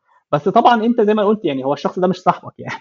يعني أنت محتاج تبقى فاهم هو بيقول إيه محتاج ترد محتاج تبقى nice قدامه يعني محتاج ترد عليه وكده. فاللي أنا عايز أقوله يعني مخك ما يبقاش مش مش ساعة اللي هو أنت تاخدها كده تغمض عينك وتريح يعني.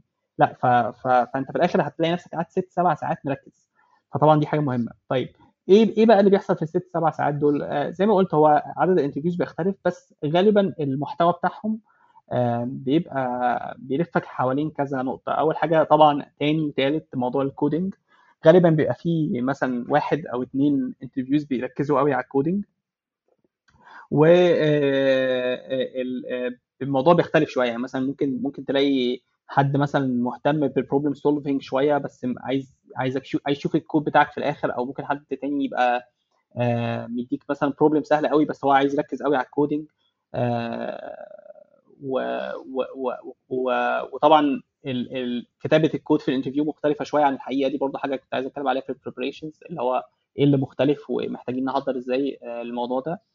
آه، من الحاجات التانية برضو أو ال interviews المشهورة قوي ال interviews اللي بيركز شوية على ال data structures وال algorithms ده ده ممكن ميبقاش فيه coding كتير قوي أو ممكن أو ممكن يبقى فيه pseudo code أو يعني إلى ما ما شابه يعني بس بيبقى مركز أكتر شوية على على ال data structures اللي انت بتستخدمها عشان تحل problems لو في algorithm معين عايز تستخدمه ال run time بتاعه إيه ال memory ال memory consumption بتاعته قد إيه وهكذا. وده برضو بيبقى mix مع ال coding يعني ممكن تلاقي interview coding برضو بيعمل الاثنين يعني ما فيش حاجة فيهم يعني هو ما فيش خط يفصل ما بين الاثنين يعني. آه، بس هي دي ال areas اللي الإنسان بيتسأل فيها يعني. طبعا ومعاهم طبعا اخوهم الثالث هو ال problem solving وده وده in general مش مش في في شوية mixed signal كده لأن في شركات بالنسبة لها ال problem solving مختلف شوية عن ال عن ال problem solving اللي إحنا ان إحنا في مصر متعودين عليه أو الناس ال... الناس اللي هي بتخش programming competitions عارفاه. يعني دايما أي حد تقول له problem solving بيفتكر إن هو دايما في problem هو لازم يحلها أو في مسألة هو لازم يكتب لها كود بينما في في في شركات بت بت assess بت assess الموضوع ده بطريقة مختلفة شوية. يعني مثلا بيبقى بيبقى مديك problem وعايزك تشوفك في الحقيقة فعلا هتحلها إزاي. يعني هو مش مش مش مش مش مش puzzles على قد ما هي بيبقى عايز عايز تشوف قدراتك اللي هم بيسموها إيه ال creativity يعني عندك. آه مش ال result ما يفرقش مع ال result يفرق ال approach معاه. آه ال analytics مثلا يعني يعني آه فاهم قصدي؟ اللي هو اللي هو مثلا لو لو شخص مثلا قلت له طيب ال ال ال ال ال الكود بتاعك ده يعني very slow مثلا هنعمل إيه مثلا؟ ففي في ناس بتبقى مثلا مخها بيقول إيه ده أنا لازم ألاقي لازم ألاقي data structure أسرع أو أنا لازم ألاقي أحل الكود بتاعي أسرع. تمام؟ في ناس ثانية تقول لك طيب ما إحنا ممكن ن run الكود offline يعني مش لازم يبقى أو نعمله parallel مثلا. فهو كده ما اداش حل بس ده بيوريك هو إن هو بيفكر شوية في حلول ثانية غير إن هو بيفكر في ال coding بس. ف أنا أنا عايز أقول حاجة ف... ممكن عايز أخد رأيك فيها برضه لأن أنا دايما بسمع الناس وهي بتتكلم في قصص ال problem solving هو دايما بيبص على يعني بيبقى متخيل إن ده بالذات في الناس اللي هم لسه صغيرين لسه freshly graduated يعني لما بيطلعوا بيبقى متخيل ان إن هو في الشغل هيبقى بي يعني بيحل مشاكل الشغل بنفس الطريقة اللي بيحل بيها مشاكل ال problem solving اللي هو بتجي له مشكلة متقشرة فيها بس إيه يعني عايزين نوصل للنتيجة دي بأكتر شكل efficient بأكتر آه بأحسن memory utilization يعني بأقل footprint مع إنه في الحقيقة يعني ما بيبقاش كده. أنت بتجي لك خازوق كبير. يعني أو مشكلة كبيرة جدا. ده حقيقي ده حقيقي. المشكلة أساسا أنت مش مدرك يعني في في كمية layers of abstraction أنت بتتكلم على systems operating systems فوقيها آه مثلا let's say web servers وراها languages على frameworks compiled ولا self runtime وراها ما أعرفش إيه أنت بت integrate معاها third party service أو كده. و هوب تلاقي نفسك اللي هو أنت واقف مشلول. أنا يعني أنا يا جماعة أنا كنت متخيل في مسألة function هديها input طلع لي output الحقيقة مش كده خالص. ف... فدي ده حقيقي. يعني أنت عشان آه. أنت أنت أنت عارف قلت قلت نقطتين مهمين جدا. يعني آه، اللي أنت بتقوله ده إحنا مثلا في امازون بنسميه dealing with ambiguity. يعني اللي هو التعامل مع مع الغموض. آه، وده وده نقطة حقيقية فعلا. يعني أنت أنت لما بتشتغل في شركة آم، مفيش مفيش طبعا ال- اللي هو ال well defined problem اللي ممكن تيجي لك شبهها في ال interview بالعكس زي ما انت قلت الموضوع بيبقى vague جدا آه، وبيبقى بيبقى داخل فيه عناصر كتير قوي. يعني هو الموضوع مش مش بس إن أنت بتحاول تحل ال coding challenge اللي في ال problem دي لا أنت فعلا بتعمل problem solving بمعنى الكلمة. اللي هو يا جماعة إحنا عندنا مشكلة نحلها إزاي؟ والحل ده ممكن ما يبقاش coding خالص. الحل ده ممكن يبقى meeting أنت بتعمله مع ناس أو ممكن آه، بتبص في logs مثلا أو إن أنت بت بتدور على solution off the shelf من غير ما تكتب ما تكتب solution فاهم قصدي؟ فهي هي دي هي دي ال skill بتاعت ال problem solving وأهم حاجة فيها برضو دي حاجة كنت عايز أتكلم عليها في ال في ال في ال preparation هي فكرة ال trade offs يعني زي ما أنت قلت دلوقتي أنت ممكن ممكن تبقى فاكر إن إن الحل اللي بيستخدم memory قليلة أو أو سريعه جدا ده أحسن حاجة. بينما في الحقيقة مثلا ممكن يبقى ده الحل ده مكلف جدا للشركة. يعني بيخليك تبقى عندك servers مثلا قوية جدا آه، بتخلي الشركة تدفع فلوس كتيرة. بينما في الحقيقة إحنا مش محتاجين مش محتاجين ال optimization ده. إحنا ممكن نشتغل بحاجة أقل ونبقى نوفرنا فلوس الشركة. فبتلاقي نفسك بدأت تفكر في aspects تانية مختلفة خالص عن ال عن ال عن ال coding. عن. ان هو ف... عن ان هو mathematical يعني solution يعني ما انت بالظبط بتقول كده بتبقى حاجات تانية. انت ممكن مثلا تكتشف اللي هو طب لا طب ما, ما تقلقش مثلا بسبب performance hit بتاعت حاجة زي كده. أنا ممكن مثلا ه create view table في ال database وه cache فيه ال data دي أقراها أسرع بدل ما أروح أعمل operation دي فتبقى costy مثلا أول مرة. بس on further run يعني بالظبط. runnings هتبقى أسرع. يعني يعني المشكلة كلها إن أنا فعلا بقف كده قدامها لما ب يعني بشوفها بالذات مع ال interns مثلا وإحنا مثلا بنتكلم في حاجة مثلا أو حل في مشكلة فتلاقي حد يقول لك بس أصل أنت هنا عملت loop في ما أعرفش إيه لو الأحسن كنت عملت إيه. فلو يعني يعني في bigger picture أنت مش واخد مش واقف قدامها. يعني اللي أنت بتتكلم عليها دي part من class حجمها مثلا 400 سطر. فأنت يعني بتتكلم في حاجة ثانوية جدا فاهم؟ ده حقيقي ده حقيقي ده حقيقي. هو دي برضو زي ما أقول يعني برضو إيه برضو إحنا نعذر الناس. يعني آه، إحنا كلنا كنا هذا الرجل. يعني يعني آه، لو لو تفتكر فرحتك أول مرة عملت programming أو عملت function بت print هرم في ال stars يعني دي كانت آه، ده أكبر حاجة في حياتي. فعلا. صحيح. آه، وفعلا ما دخلت الشركة في الأول بيبقى همك قوي اللي هو إيه ده ده أنا كاتب كود يعني أو 1 يعني يعني أسرع حاجة في الدنيا بينما يجي لك يجي لك ال senior engineer يقول لك يا ابني إيه اللي أنت عامله ده؟ إحنا مش محتاجين كل ده أنت ليه ضيعت وقت في الكلام ده. فاهم قصدي؟ ف ف صحيح. هو ف فعلا الواحد بيشوف ده بشكل يومي فعلا يعني بي resonate مع حاجات كتير إحنا بنشوفها. ده حقيقي. طيب خلينا نكمل آه، اخر آخر نوعين من ال ال من ال interviews في طبعا ال ال البعبع اللي هو ناس كتير قوي ما بتحبوش هو ال system design وده من اسمه يعني آه، تصميم ال system يعني. هو بكل بساطة إن أنت بيبقى ال interviewer بي بي بيديك problem أو system يعني خلينا واضحين. آه، وطبعا كلمة system دي كلمة يعني vague intentionally يعني يعني هو ممكن ال system ده لو أنت لسه حد بادئ ممكن ال system ده عبارة عن شوية آه، مجموعة classes ويبقى هو عايز يشوف بس آه، أنت هتعمل لهم object oriented design إزاي. أو ممكن يبقى حتى class واحد وجواه functions كتير بتكلم بعضها فعايزك تشوف هتعمل إزاي. وممكن يبقى system يعني ممكن يبقى actual system أو يعني web application مثلا عايزك تشوفه هتعمله إزاي وكلام من ده يعني. فهو ال interview طبعا ده challenging جدا لأن هو زي ما قلنا يعني هو بي touch حتة مش كلنا بنعملها كل يوم. ده طبعا ده ده, ده بخلاف أنت شغال فين يعني حتى ممكن يبقى بره مصر ما بتعملهاش أو جوه مصر بتعملها يعني. ملهاش علاقة. هي ليها علاقة بإن أنت قد إيه أنت مطلع وقد إيه أنت lucky إن أنت بتشتغل في حاجة زي كده ولا لأ. وفي نفس الوقت زي ما قلت يعني لو أنت بتقرأ عن الموضوع ده أكتر وهكذا يعني. آه، وطبعا هنتكلم عن ال preparation بتاعه إزاي يعني. آخر نوع دايما ده ساعات بيبقى موجود في شركات وساعات لأ يعني حسب حسب هم عايزين إيه. هو غالبا بيبقى في كده meeting مع أو يعني interview مع ال manager أو بيسموه ال hiring manager اللي هو الشخص اللي هو المدير اللي هو بيحاول ي hire ك في ال في ال في ال في الشركة سواء لل team بتاعه أو ل teams مختلفة يعني.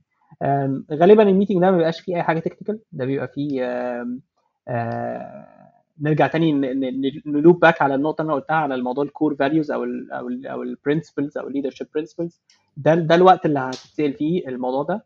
آه، ممكن ال interviews الثانية يسألوك فيها طبعا. ما فيش ما يمنع يعني. ممكن تلاقي ال engineer اداك سؤال كده قبل ال قبل ال technical أو بعد ال technical بس غالبا ال managers بيبقوا بيركزوا أكتر على على الموضوع ده يعني. خالد معلش ممكن اسالك آه، على حاجة. هو ده اللي أنت تقصد بيه اللي بيتقال عليه برضه في بعض الأحيان bar raiser ولا bar raiser ده حاجة تانية؟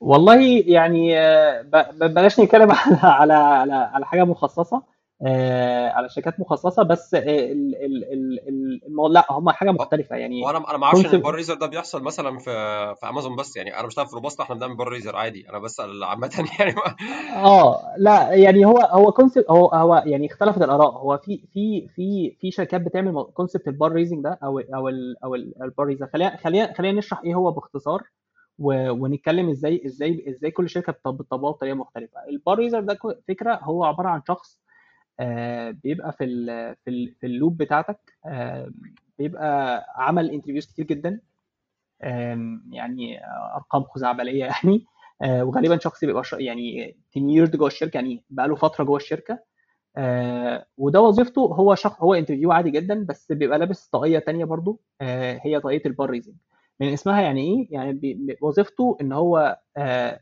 بيحاول يضمن إن الناس اللي داخلة جوه الشركة بت raise ال bar. يعني إيه بت raise ال bar يعني آه، البار ده اللي هو بنقصد بيه ال hiring bar اللي هو مستوى الناس اللي بتتعين جوه الشركة تمام ال ال ال ال ال ال- ال bar raiser ده بي- بيحاول دايما يرفع البار ده يعني دايما يقول يا جماعة الشخص ده آه، لما يجي الشركة هو كانه بي raise ال bar بتاع ال hiring يعني هو كانه theoretically هو احسن من نص الناس اللي جوه الشركة get hired مثلا؟ طبعا دي حاجة theoretical قوي وصعب قوي تحسبها بس يعني you get you get the idea يعني. الفكرة كلها هو بي- بيحاول دايما يضمن إن إن آه، إن إن إن إن الناس اللي داخلة دايما بيبقى مستواها كويس.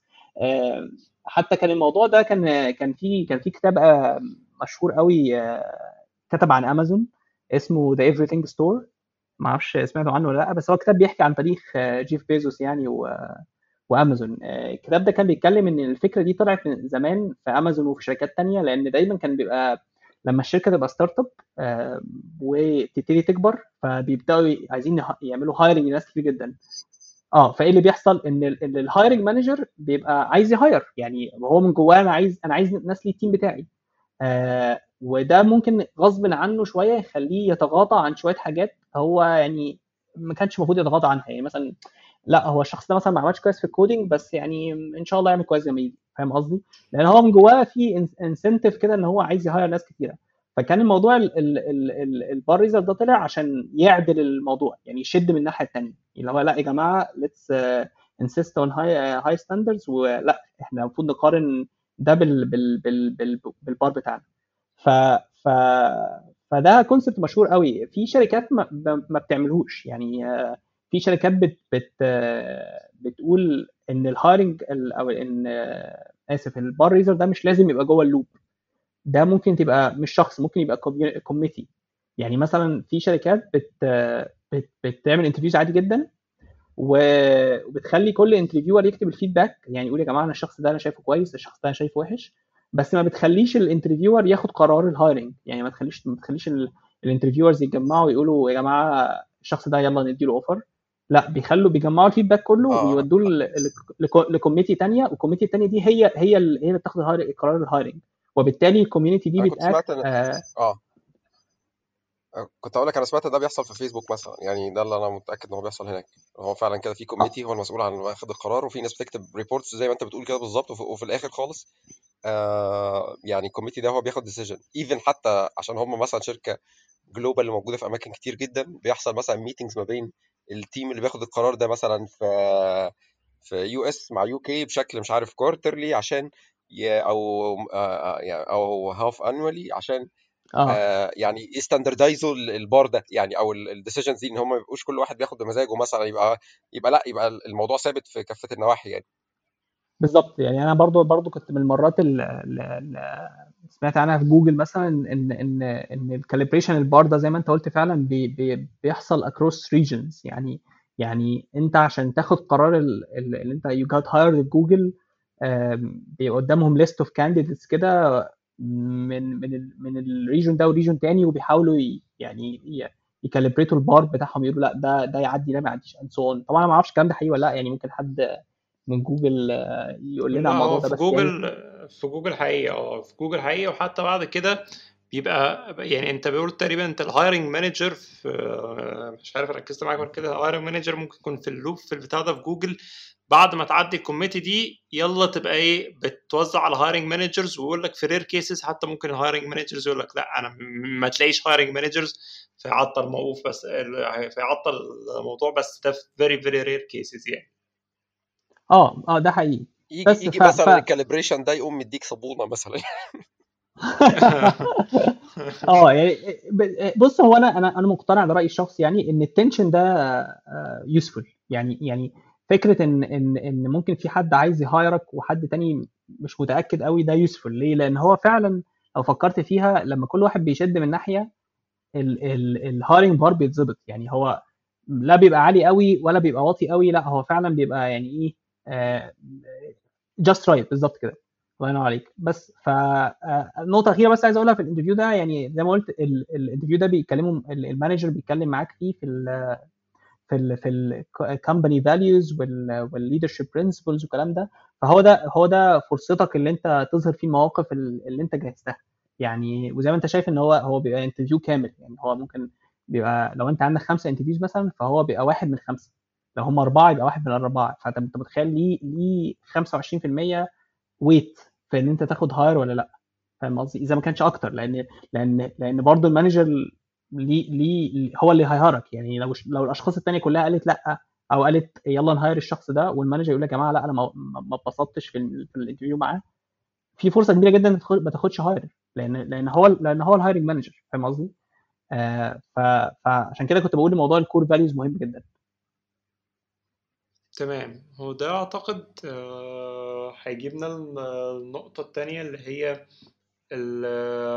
يعني يفرق في إن الناس اللي هي خاصة دلوقتي كنا بنتكلم عن الناس اللي هي لسه fresh خاصة اللي هم في competitive programming context زي ACM وكده يفرق إيه لما تقدم as a fresh أو حد junior من حد اشتغل فترة مثلا وبعد كده عايز ي join الشركات دي؟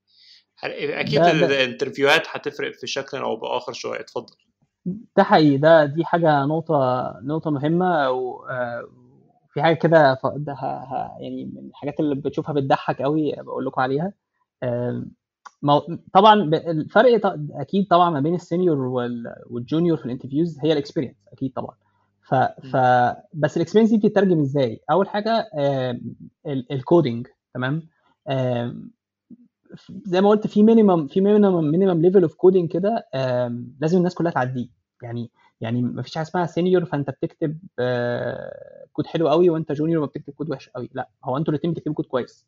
اللي بيفرق بس زي ما قلت ال scope وازاي بتقسم الكود ده. يعني ممكن ال senior بيبقى بي دماغه دايما بتفكر في حاجات أكتر فتلاقيه مثلا بي بي بي بي بيفكر في الكود ده ممكن يحصل له extension قدام إزاي. إزاي كنت الكود بطريقة well tested كلام من ده. كنت هقول لك إن هو مثلا يكون more generic بحيث إن هو يعني يكفر more use cases واخد باله من ال edge cases مثلا آه، يعني ممكن يكون تسميته للحاجات واضحة بشكل أظرف آه، من حد تاني. ممكن يبقى هو مقسمه بشكل modular عن حد تاني يكون junior يلاقي opportunity ان إن دي مثلا تبقى حاجة it can be used across application آه، يعني أكتر من مكان في ال application ف abstract ها في حتة تانية. يعني كلها حاجات في الآخر بالظبط خالص الاثنين هيعملوا نفس ال functionality بس واحد هيخليها بشكل يعني يعني ما يخرش المايه من الأول والتاني هياخد كذا iteration عشان يوصل لده لو عرف يوصل له.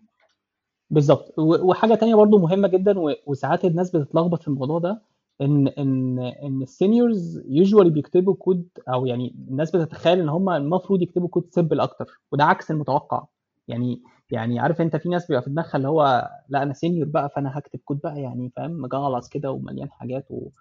لا هو غالبا غالبا انت كل ما بتكتب كود بسيط وسهل يتفهم ده بي بي بيقول إن أنت شخص أصلا عندك experience كويسة مش العكس فاهم قصدي؟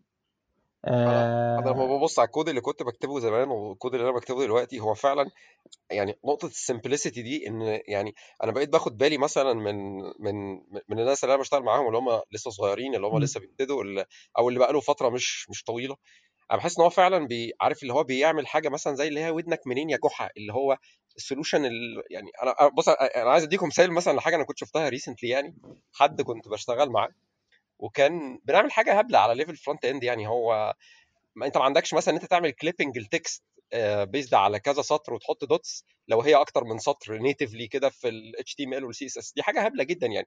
فهي بتتعمل بال- بال JavaScript. فالفكرة كلها إن دي حاجة مثلا كانت معمولة جوه tabs وهو كان الشخص ده كان كتب زي function بتقيس ال height لو لقيت فيه overflow عن height معين بيحط آه، حاجات معينة ويحط هو ال dots manual وقصة كده. الفكرة كلها إن هي جوه tabs فمخفية.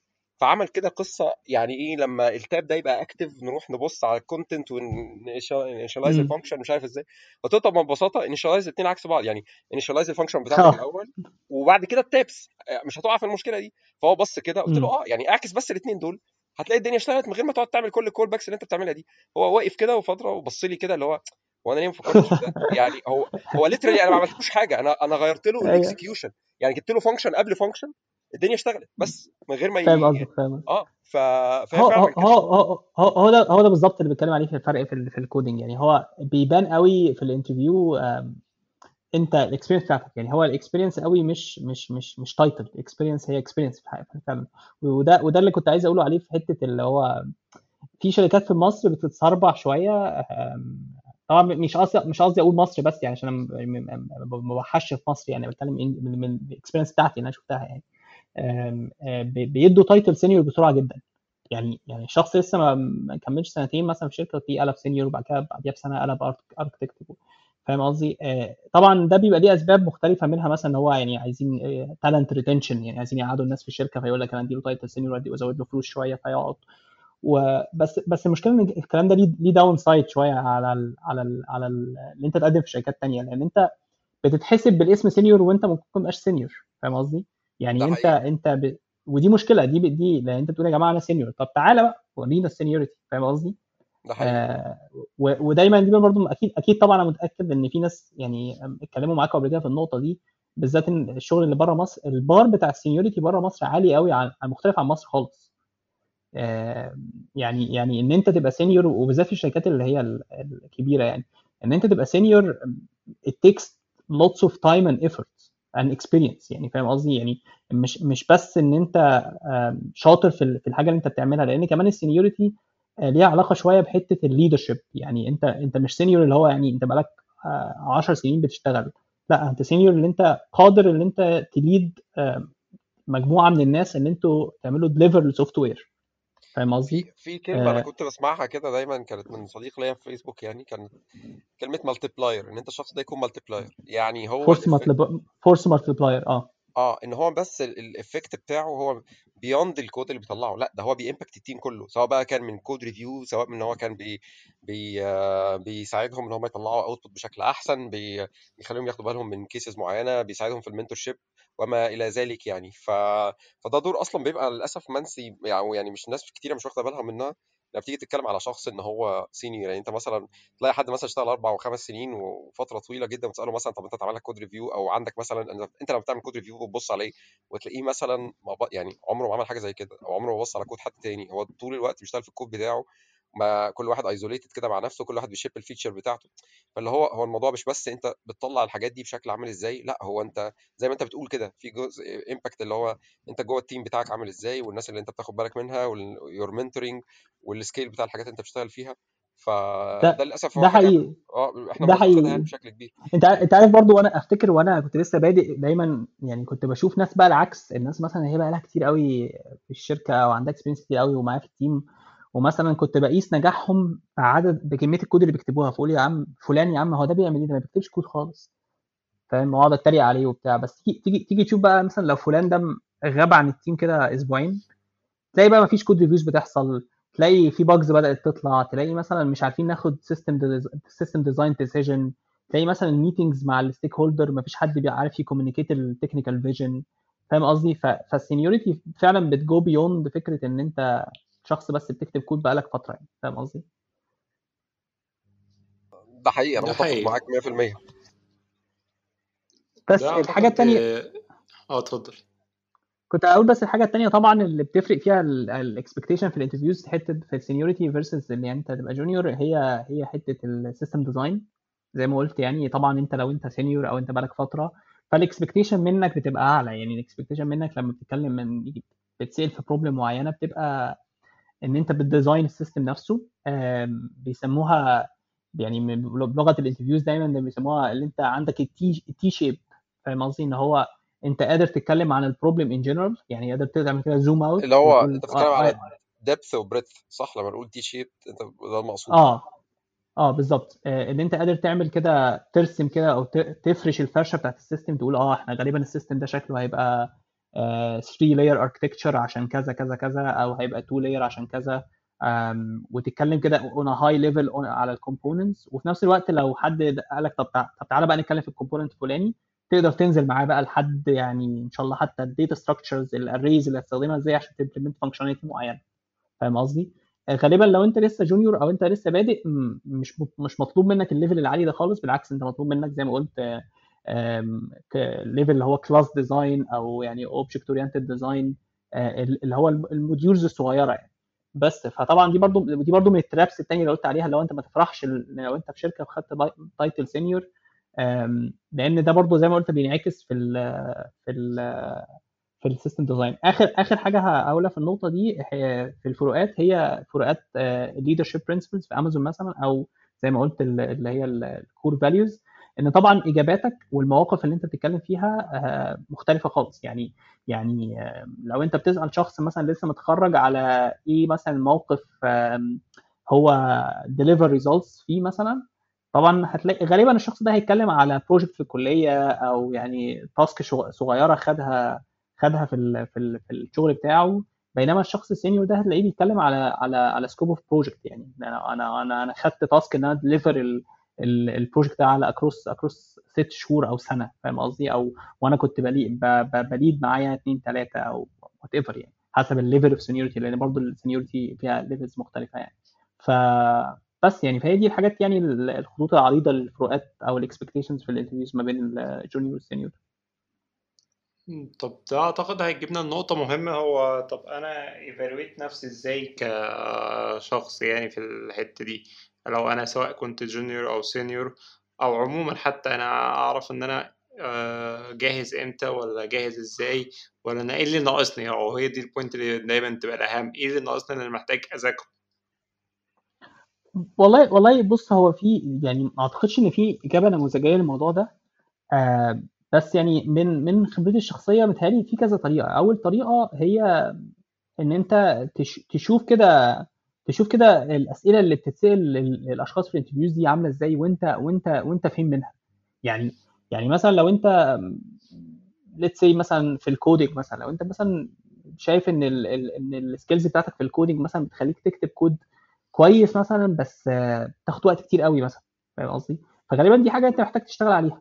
أو مثلا بتكتب كود بس وبتكتبه بسرعة بس مثلا مش clean code فدي برضه حاجة محتاج تشتغل عليها. فهي من الآخر يعني الشاهد هو إن أنت محتاج ودي حاجة صعبة قوي إن أنت محتاج تبقى شوية رقيب نفسك في حتة إن هو إيه آه، أنا قبل قبل ما أبدأ ا prepare أنا محتاج أقول إيه ال criteria يعني ال criteria اللي هو أنا أنا ه prepare coding طيب ه prepare إيه؟ يعني.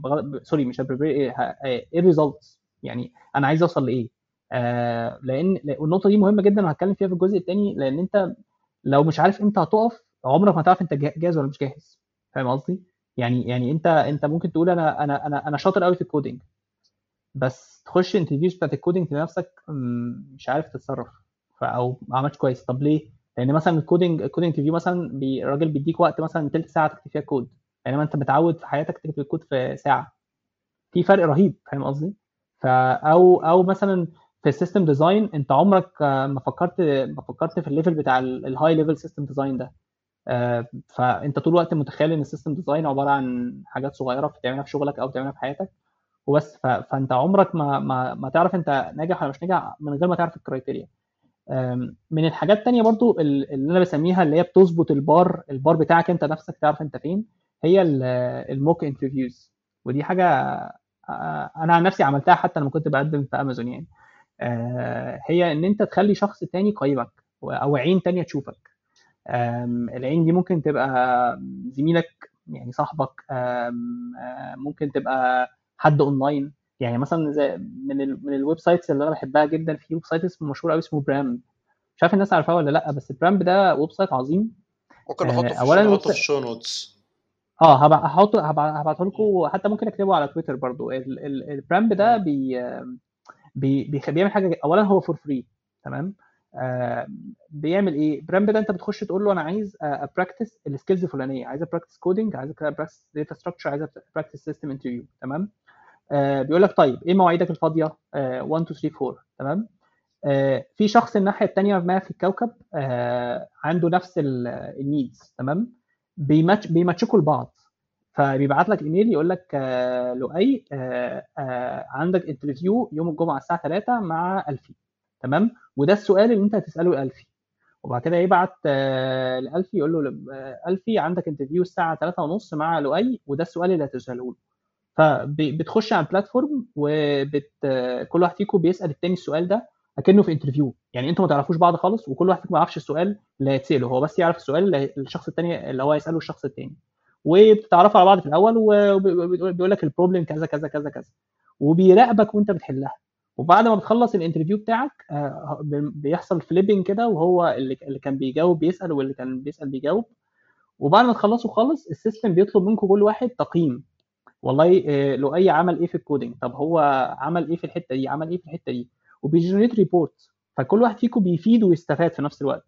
يعني أنت بتفيد في إن أنت دربت شخص تاني وأنت بتستفاد إن إن إن أنت حد دربك أو يعني أنت اتحطيت في mood ال interview.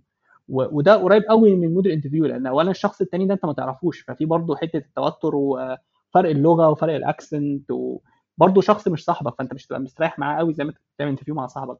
وفي نفس الوقت بيسألك سؤال مفاجئ يعني أنت ما- مش مش حتى ما تعرفش أسئلة هو بيجيبها منين حتى ال website نفسه معلوش أسئلة كتير تعرف ت prepare عليها ف فبيحطك في mood ال- اللي هو المفاجأة اللي هو إيه ده أنا هتسأل سؤال أنا ما- ما ما أعرفوش قبل كده. آه تاني حاجة بقى آه الحاجة بقى اللي أنا أنا أنا أنا شخصيا بتعجبني قوي في الموضوع ده ان ان إن هو بيخليك تسأل الشخص التاني وده طب ده مفيد في إيه؟ بغض النظر أنت بتفيد الشخص التاني ده بيفيد إن أنت بي بيحطك بيديك العدسة بتاعة ال interviewer. يعني أنت بتقول إيه ده؟ بص بص هو كتب كتب الكود إزاي؟ طب كان عمل كذا. بص توتر أو إيه إزاي ده؟ هو بص اتلخبط إزاي؟ بالظبط الله ينور عليك. فبيخليك كده في اللاوعي تدرك الأخطاء اللي أنت ممكن تقع فيها وتصلحها. ودي حاجة حاجة صايعة قوي إن هو إن هو بيحطك ورا المدفع. دي صايعة يعني جدا بيحطك مرة جدا جدا. آه فال website ده بقى- بقى يعجبني قوي. طبعا في websites تانية مشهورة قوي يعني برضو آه، بتعمل interviews وممكن كمان بفلوس مثلا إن هو بي- بيجيب لك interviewers من من شركات كبيرة وحاجات كده يعني. فكله كويس. بس هي الفكرة كلها زي ما انت قلت لو انت مش هتقيس نفسك مش هتعرف انت فين. بس. ده حقيقي. واعتقد كده يعني إيه الوقت سرح مننا شوية بس طبعا آه. الوقت يعني جري والله يعني آه يعني مش متشكرين جدا يعني ال content أعتقد كان فعلا مميز. وكده الناس هتعرف يعني هتعرف ت expect إيه من عموما من ال experience كلها A to Z. آه، إحنا بنيجي دايما في آخر ال- الحلقة دي بنبقى زي ما قلنا لك يبقى في عندنا ال picks إن كل واحد يختار حاجة هو شايف إنه عايز ي share ها مع الناس. ممكن تبقى في نفس موضوع الحلقة ممكن لأ. ممكن تبقى في ال technology ممكن بره ال technology أي حاجة يعني. فايه ال pick اللي أنت محضرها لنا النهارده؟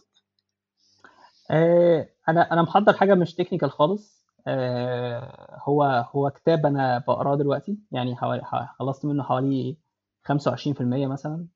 فما أعرفش رأيي هيتغير عنه بعد ما اخلص كله ولا لأ بس هو so far so good يعني. آه، هو اس- اسمه اسمه آه، سخيف شوية. آه، بس يعني هو مميز. هو الكتاب اسمه The Subtle Art of uh, of of Not Giving a Fuck. يعني أو يعني اللي هو إيه ال ال الطريقة فن الخفيه اللي عدم أنت محتاج الاكتراث آه، آه فن عدم الاكتراث الله ينور عليك. يعني اللي هو مش مهتم. طب الكتاب ده عجبني في إيه؟ الكتاب ده عجبني إن هو عكس التيار خالص. يعني هو الكتاب ده مصنف إن هو kind of يعني إيه self help book عارف اللي هو أو بالعربي اللي هو التنمية الذاتية. فلما بتقرأ في التنمية الذاتية فترة بتلاقي دايما دايما الكتب ماشية على نمط اللي هو أنت جميل أنت قوي أنت لازم تبقى أحسن واحد في الدنيا وهكذا. الكتاب ده بيتكلم في فكرة كده حقيقية حقيقية قوي وأنا حتى بدأت ألمسها. يعني مثلا الفكرة هي إيه؟ إن, إحنا دلوقتي بقينا عايشين في مجتمع بسبب السوشيال ميديا وبسبب الانفتاح الرهيب اللي هو اللي إحنا كلنا بقينا فيه أو الجيل بتاعنا طبعا فيه الجيل القديم ما كانش كده بقى عندك حالة competition طول الوقت في حياتك. يعني يعني أنت دايما بتحس إن أنت مطالب تبقى أشطر واحد في شغلك أكتر واحد بيسافر في حتت معاك أغلى عربية معاك أغلى شقة في سباق متواصل يعني. في سباق متواصل مع كل حاجة في حياتك. يعني في كل حاجة دايما وعارف انت بيتهيألي مثلا الأجيال اللي هي دلوقتي let's see مثلا إيه 25 plus يعني 25 سنة plus على الأقل إحنا إحنا كنا وإحنا صغيرين ما كانش فيه الانفتاح ده قوي وما كبرنا بدأ يبقى فيه فأنت من جواك برضه فاهم الفرق. بس متهيألي الأجيال الصغيرة اللي هي لسه أقل من 20 سنة دلوقتي الموضوع ده بقى متأثر فيها جدا. يعني تلاقي مثلا آه ال posts عن انستجرام دايما لازم تبقى shiny اللي هتكلم معاهم تلاقيهم دايما دايما عايزين يبقوا أحسن في كل حاجة. الموضوع ده خطر جدا لأن هو بي بي بيحطك في ضغط نفسي طول الوقت إن أنت لازم تهتم بكل حاجة في حياتك. بينما في الحقيقة الحياة مش كده الحياة أبسط من كده. آه أنت مش لازم تهتم بكل حاجة عادي. يعني ده, ده دي مش دعوة للتراخي. يعني هو الكتاب دايما بيقول لك في الأول أنا يا جماعة يعني ما تفهموش كلامي إن أنا بقول لكم يعني be bad يعني أو يعني ما تبقاش ما مهتم تبقى كويس في حياتك. بس هي زي ما بنقولها بحث إحنا في مصر اللي هو عندنا concept الرضا. يعني اللي هو اللي هو أنا فاهم أنا فين في حياتي ومحدد حاجات معينة أنا فعلا مهتم بيها. والباقي مش مهم. حتى لو الناس اللي حواليا مهتم بيها أنا مش مهتم. يعني أنت فاهم قصدي؟ بس فالكتاب عاجبني في الفكرة دي يعني. وطبعا هو في ساركاستيك تون كده أو أو يعني طريقة سخرية في في في, في سرد الأحداث بتضحك. فهو خفيف وفي نفس الوقت بيوصل لنقطه جديدة أو عكس التيار يعني أنا خالد عايز أقول على حاجة شيء جميل أنا يعني هي. ب... يعني أنا أنا من الناس اللي بتستخدم ريدت بن... يعني Reddit بالنسبة لي هو مصدر المتعة والهزار الحياة. والضحك. آه يعني أنا أنا يوميا أخباري بتلقاها من Reddit يعني في ناس بتشوف إن Reddit it's a professional community for bla bla bla أنا بالنسبة لي هو مش كده خالص. أنا بالنسبة لي هو مكان أنا بقعد فيه ممكن أضيع ساعات بتفرج على قطط أو حاجة بتخش في في درج. بشكل perfect مهم من ضمن الحاجات يعني الكلام ده بي resonate مع اللي أنت بتقوله على الصور ال shiny على انستجرام والكلام ده. يعني اكتشفت subreddit كان يعني هي بتتكلم عن ال reality بتاعت الانستجرام اسمها Instagram reality. وهي بتجيب كل الصور ال popular اللي على الانستجرام كلها fake وبيجيبوا ال edits فين؟ وبيجيبوا الناس عاملة إيه؟ يعني الموضوع مرعب بشكل إن 99% من ال content اللي أنت بتشوفها على انستجرام هو fake fake بجد حقيقي مش يعني سواء من filters بتتحط سواء من حاجات بتتركب يعني تجيب مثلا موديل شكلها مش عارف عاملة إزاي وتلاقي مم. مثلا على series مثلا بتاعت مجموعة صور هي حطها هي نفس السحابة هي في edit بيتعمل في الصور عشان يعني المكان اللي هي دايما فيه يبقى شكله حلو لابسها يبقى شكله مش عارف عامل إزاي هو كل ده يا جماعة fake يعني ال- ال- المشكلة إن الناس دايما بتفضل تبص على الحاجات دي بشكل إن هو هو ده الواقع وهو ده اللي أنا بحاول compete فيه وهو ده أصلا ده يعني أنا لما شفت ال sub دي أنا ما صدقتش يعني أنا أنا آمنت إن في حاجتين يعني even حتى مش آه. بتكلم على شكل female figures وما إلى ذلك لأ even حتى اللي هم الناس athletes يعني يعني بقول لك مثلا بالظبط يعني يعني يعني في يوم كده اسمه sanity Sunday ده يوم الحد ده بيحطوا فيه حاجات اللي هو الناس بقى اللي هي عارفة ال tricks دي بتتعمل إزاي بيحطوها فتلاقي مثلا واحد آه، واقف وقفه كده posture معين وباين عنده كرش وكتفه نازل بس في وقفة من مم. زاوية تانية تبص عليه تلاقي ال abs باينة ومشدود آه ومش آه عارف عامل إزاي يعني حتى يعني أنا أنا آمنت إن اللي أنا بشوفه على الميديا اللي ليه علاقة بال بال بال body physique اللي هي الحاجات اللي ليها علاقة بال athletics والكلام ده هو ده fake مم. 100% يعني كل الحاجات اللي الناس أيوه. plus اللي هو ال business بتاع ال modeling واللبس وال... والكلام بقى طبعا ال business اللي مش لطيف يعني بتاع انستجرام وما إلى آه. ذلك من ال platforms كلها this is fake يعني أنا مش هبص عليها أصلا ده كل ده كلام فارغ يعني مش مش حقيقي مش مش ه... مش مش هن... مش هنجر ليه يعني فاهمني؟ أنت أنت عارف برضو يعني برضو من النقط اللي الكتاب كان بيحاول يتكلم عليها حتة إن هو بغض النظر إن ده مجهود ذهني عليك آم، في إن أنت تتلقى كل الحاجات دي ويبقى دايما تحس أنت في سباق آه، آه، الحتة الخطرة الثانية حتة إن إن أنت إمتى بتحس بالسعادة؟ يعني في ناس متخيلة إن إن إن هم هيحسوا بالسعادة لما يوصلوا لشكل الجسم ده. يعني هو أنا لازم أبقى عامل كده آه، وهو ده التارجت بتاعي وأنا مش هبقى سعيد من غير كده. أو أنا يعني لازم أشتغل في أهم وظيفة في العالم. أو أنا لازم آه، أبقى فاهم بشتغل في حاجة ليها تأثير آه، فحيت على الكوكب. أو أو لازم أبقى بسافر في أحسن حتة عشان أنبسط. مع إن أنت ممكن تنبسط بحاجات أبسط من كده. فهو الواحد زمان ما كانش بيفكر في الحاجات دي آه، لأن الحياة كانت أبسط من كده وإحنا صغيرين. بس يعني يعني أبسط حاجة أنت بص بص بص إن آه، وأنت صغير كنت بتلعب بإيه؟ ودلوقتي مثلا لو عندك قرايب مثلا أو عندك أخ صغير أو حاجة زي كده بص بص بيلعب بإيه؟ فاهم قصدي؟ يعني بص هو إيه اللي بيبس- بيبسطه وإيه اللي كان بيبسطك زمان؟ ده حقيقي. عشان كده حتى يعني أنا ممكن أقول حاجة في نفس النقطة دي. في كتاب اسمه Shallows Shallows امم ده بيتكلم بقى على فرق ال... على الفرق التغيرات اللي حصلت في الحياة من زمان لحد دلوقتي. هو واحد مثلا عايش من الثمانينات تقريبا برضو كان في domain ال tech.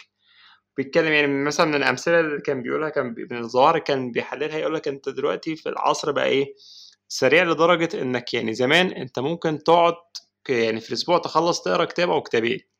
دلوقتي انت ممكن تقعد على الكتاب ده شهر وشهر وقع عشان وانت مش هتعرف تخلصه. ما انت ما بقتش جاهز انك تتعامل مع ال consume content زي دي بالشكل ده. لا انت ممكن تبقى إيه جاهز أكتر انك ت consume فيديوهات صغيرة على ال social media. حتى دلوقتي اعتقد إحنا بقينا حتى فيديوهات مثلا على اليوتيوب فيديوهات الطويله ممكن ما بقاش جاهزين ان ن consume ها لا الموضوع بقى بي shrink لغاية إنك أنت لو فيديو طويل على اليوتيوب آه، فيديو صغير على فيسبوك انستجرام أو تويتر أي كان social media هيكون هي compete أكتر في الحتة دي. فعشان كده ال- في كتاب برضو لطيف اللي هو كان بيتكلم في الموضوع ده اسمه Shallows امم طيب مستر لؤي انت ال picks بتاعتك إيه لهذا الأسبوع؟ والله أنا في tool كده آه، اكتشفتها مش عارف تقريبا على Product Hunt اسمها Progressier أو Progressier مش عارف على حسب هما بينطقوها إزاي. هو ال promise بتاعهم إنه يقول لك إنك آه، تخلي ال website بتاعك PWA يعني progressive web app في 42 ثانية. يعني ملخص الموضوع هو أنت بت include script كده في ال header بتاع ال website عندك وهو بي out of the box كده بيظبط كل الحاجات اللي هي ال offline وال service workers والكلام ده.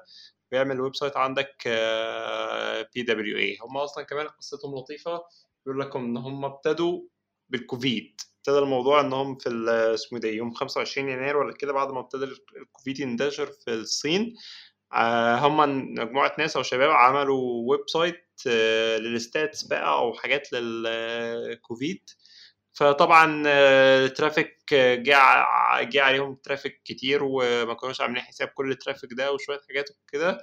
فهم بيظبطوا الليلة دي طلع منها تقريبا هي آه، ال tool دي. فال tool لطيفة. آه، يعني آه، الناس تبص عليها كده أحلى مشاريع اللي بتطلع من آه كنت بقول أحلى مشاريع اللي بتطلع من آه. real need كده آه بتبقى يعني تحس إنها في الآخر اللي هي إيه من البهاريز كلها.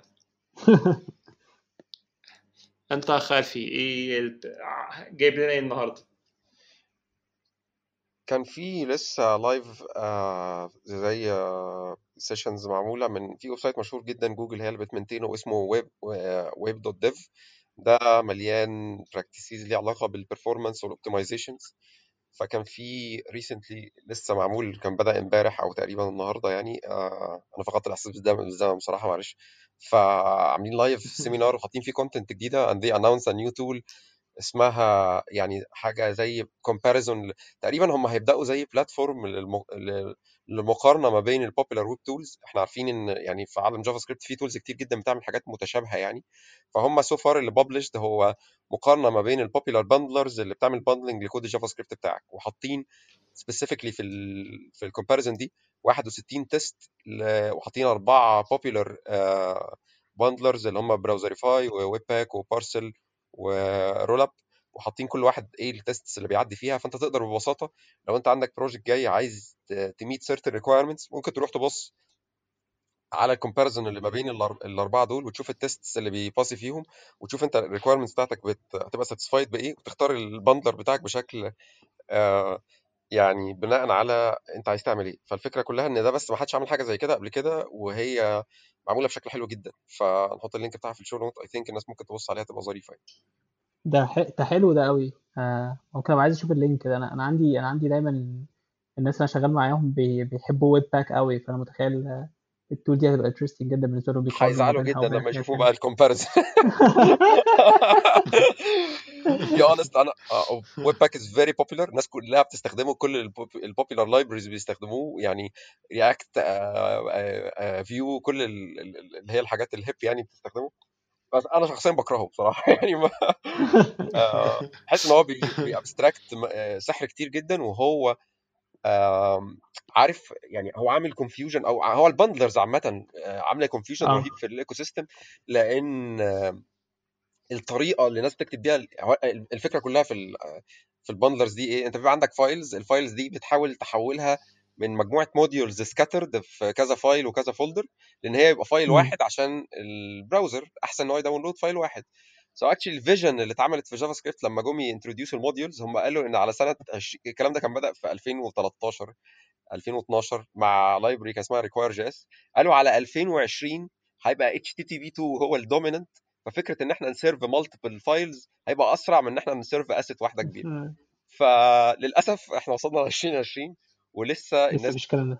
آه. لسه لأ يعني آه، ال technology موجودة. كل ال browsers ال- ال major دلوقتي كلها بت support ال modules بس الفكرة إن ال tool زي Webpack والحاجات دي they abstracted a lot of magic happening قدامك. فالناس even حتى بتكتب modules غلط. يعني ال definition بتاع الم... لو أنت جيت تسأل لحد يعني ال module اللي أنت بتكتبه في في في ل Webpack أو بت import ه من خلال Webpack هو مش يعني ده invalid module محتاج modification معينة تعملها. اللي أنا عايز أقوله إن الناس يعني الناس نفضت تماما لل native feature اللي في ال language وبقت بالنسبة لها ال module هو ال implementation بتاع ال bundlers اللي هي موجودة اللي هي Webpack والحاجات دي. زي مثلا أنت تؤمت مثلا ال extension إن أنت بت import من node modules شوية كده تفاصيل كده إيه. يعني ممكن أقعد أتكلم فيها ساعات يعني بس أيوه أيوه أيوه. أنا كرهي ليها لأن هي أنا حسيت إن هي يعني ما it didn't serve the purpose. هي بتخليك في الآخر برضه still بتطلع chunk واحدة ضخمة الناس بتعمل لها download و... ويقول لك معاك tree shaking ومعاك ما أعرفش إيه وبتاع يعني بس آه. مش في النهاية انت ك software engineer ما عرفتش ال native موجود عامل إزاي بالعكس انت ال native بيديك advantages أحسن بكتير جدا من ال bundler بيديها لك. بس this is a talk for another time ممكن نبقى نتكلم عليه في وقت تاني. آه أنا حاسس أنا كنت لسه أقول لك كده أنا حاسس إن الموضوع ده محتاج حلقة لوحدها. ما أعرفش إن سجلتوا حلقة حاجة زي كده ولا لأ بس بتهيألي أنت ممكن تطلع تعمل حلقة كده عن ال front end technologies يعني أنت عارف ال front end بيطلع فيه technology كل كل ساعة تقريبا. لايف Vue JS React فاهم كل حاجة تطلع تقول هي أنا أحسن حاجة واللي قبلي كله وحشين. بتهيألي interesting قوي ال- ال- الكلام في الحتة دي. هو المشكلة إن دي دايما بتبقى unpopular opinions وبعدين بتلاقي إيه الناس كلها بتسلخك على الكلام ده. بس أنا ما عنديش مشكلة أقوله برضه يعني. عارف يعني أنا من كام شهر كده آه، يعني كان كان في tool كده طلعت جديدة كان اسمها Snowpack يعني هي معمولة عشان تريبليس حتى. اسمها Snowpack يعني فوق ويب يعني يعني طالعين شبه شبه آه حاجة شبه شبه Webpack يعني كاسم. بس هم actually بيحولوا ال- هي ال modules مثلا بتاعت Node ل native modules بجد اللي هي فأنا جوه. ال team قلت للناس خدت ال team بتاعي قلت لهم بصوا يا جماعة this is the next big thing. وصدقوني ده هيبقى شيء عظيم والناس كلها هتبدأ تستخدمه. وإحنا we should invest كان لسه في version early يعني version 1 وكده يعني. ف...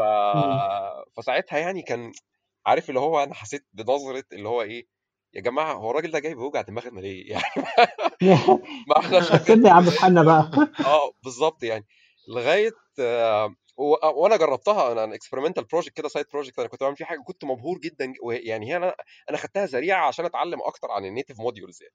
وبصراحة. يعني اللي حصل بقى accelerated كده خلال الثلاث شهور اللي فاتوا إن Vue اللي هي ال framework اللي اسمه Vue يعني they joined the hype train بتاع Snowpack وقالوا يا جماعة إحنا شايفين المستقبل لل native modules وإحنا ال version الجاي من Vue هيبقى غالبا هيبقى فيه option إن أنت تطلع native modules من خلال Snowpack بس أنا بقى ساعتها كنت إيه يعني في واحد صاحبي واحد زميلي بيقول لي يعني أنا عايز أطبع لك تيشيرت مكتوب عليه I was right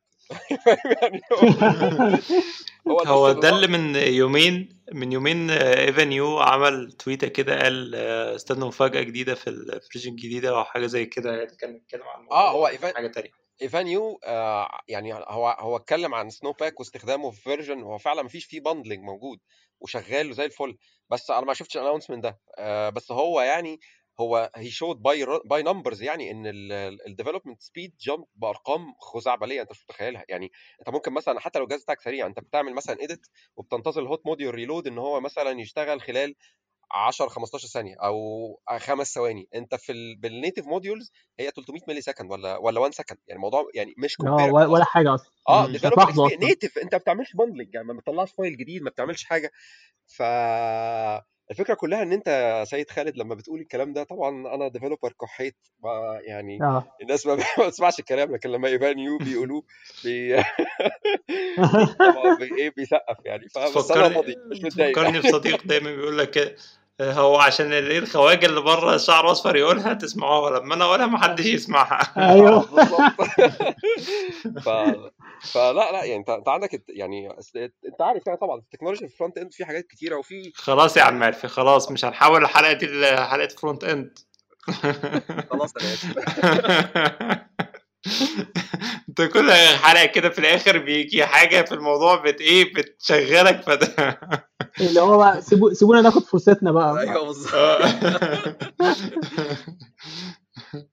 لا هي نورتنا يا خالد و... ولسه طبعا نقول للناس في جزء تاني من الحلقة يستنوه هيبقى برضو الموضوع آه، ظريف وأعتقد الناس هتعجبها الحلقة.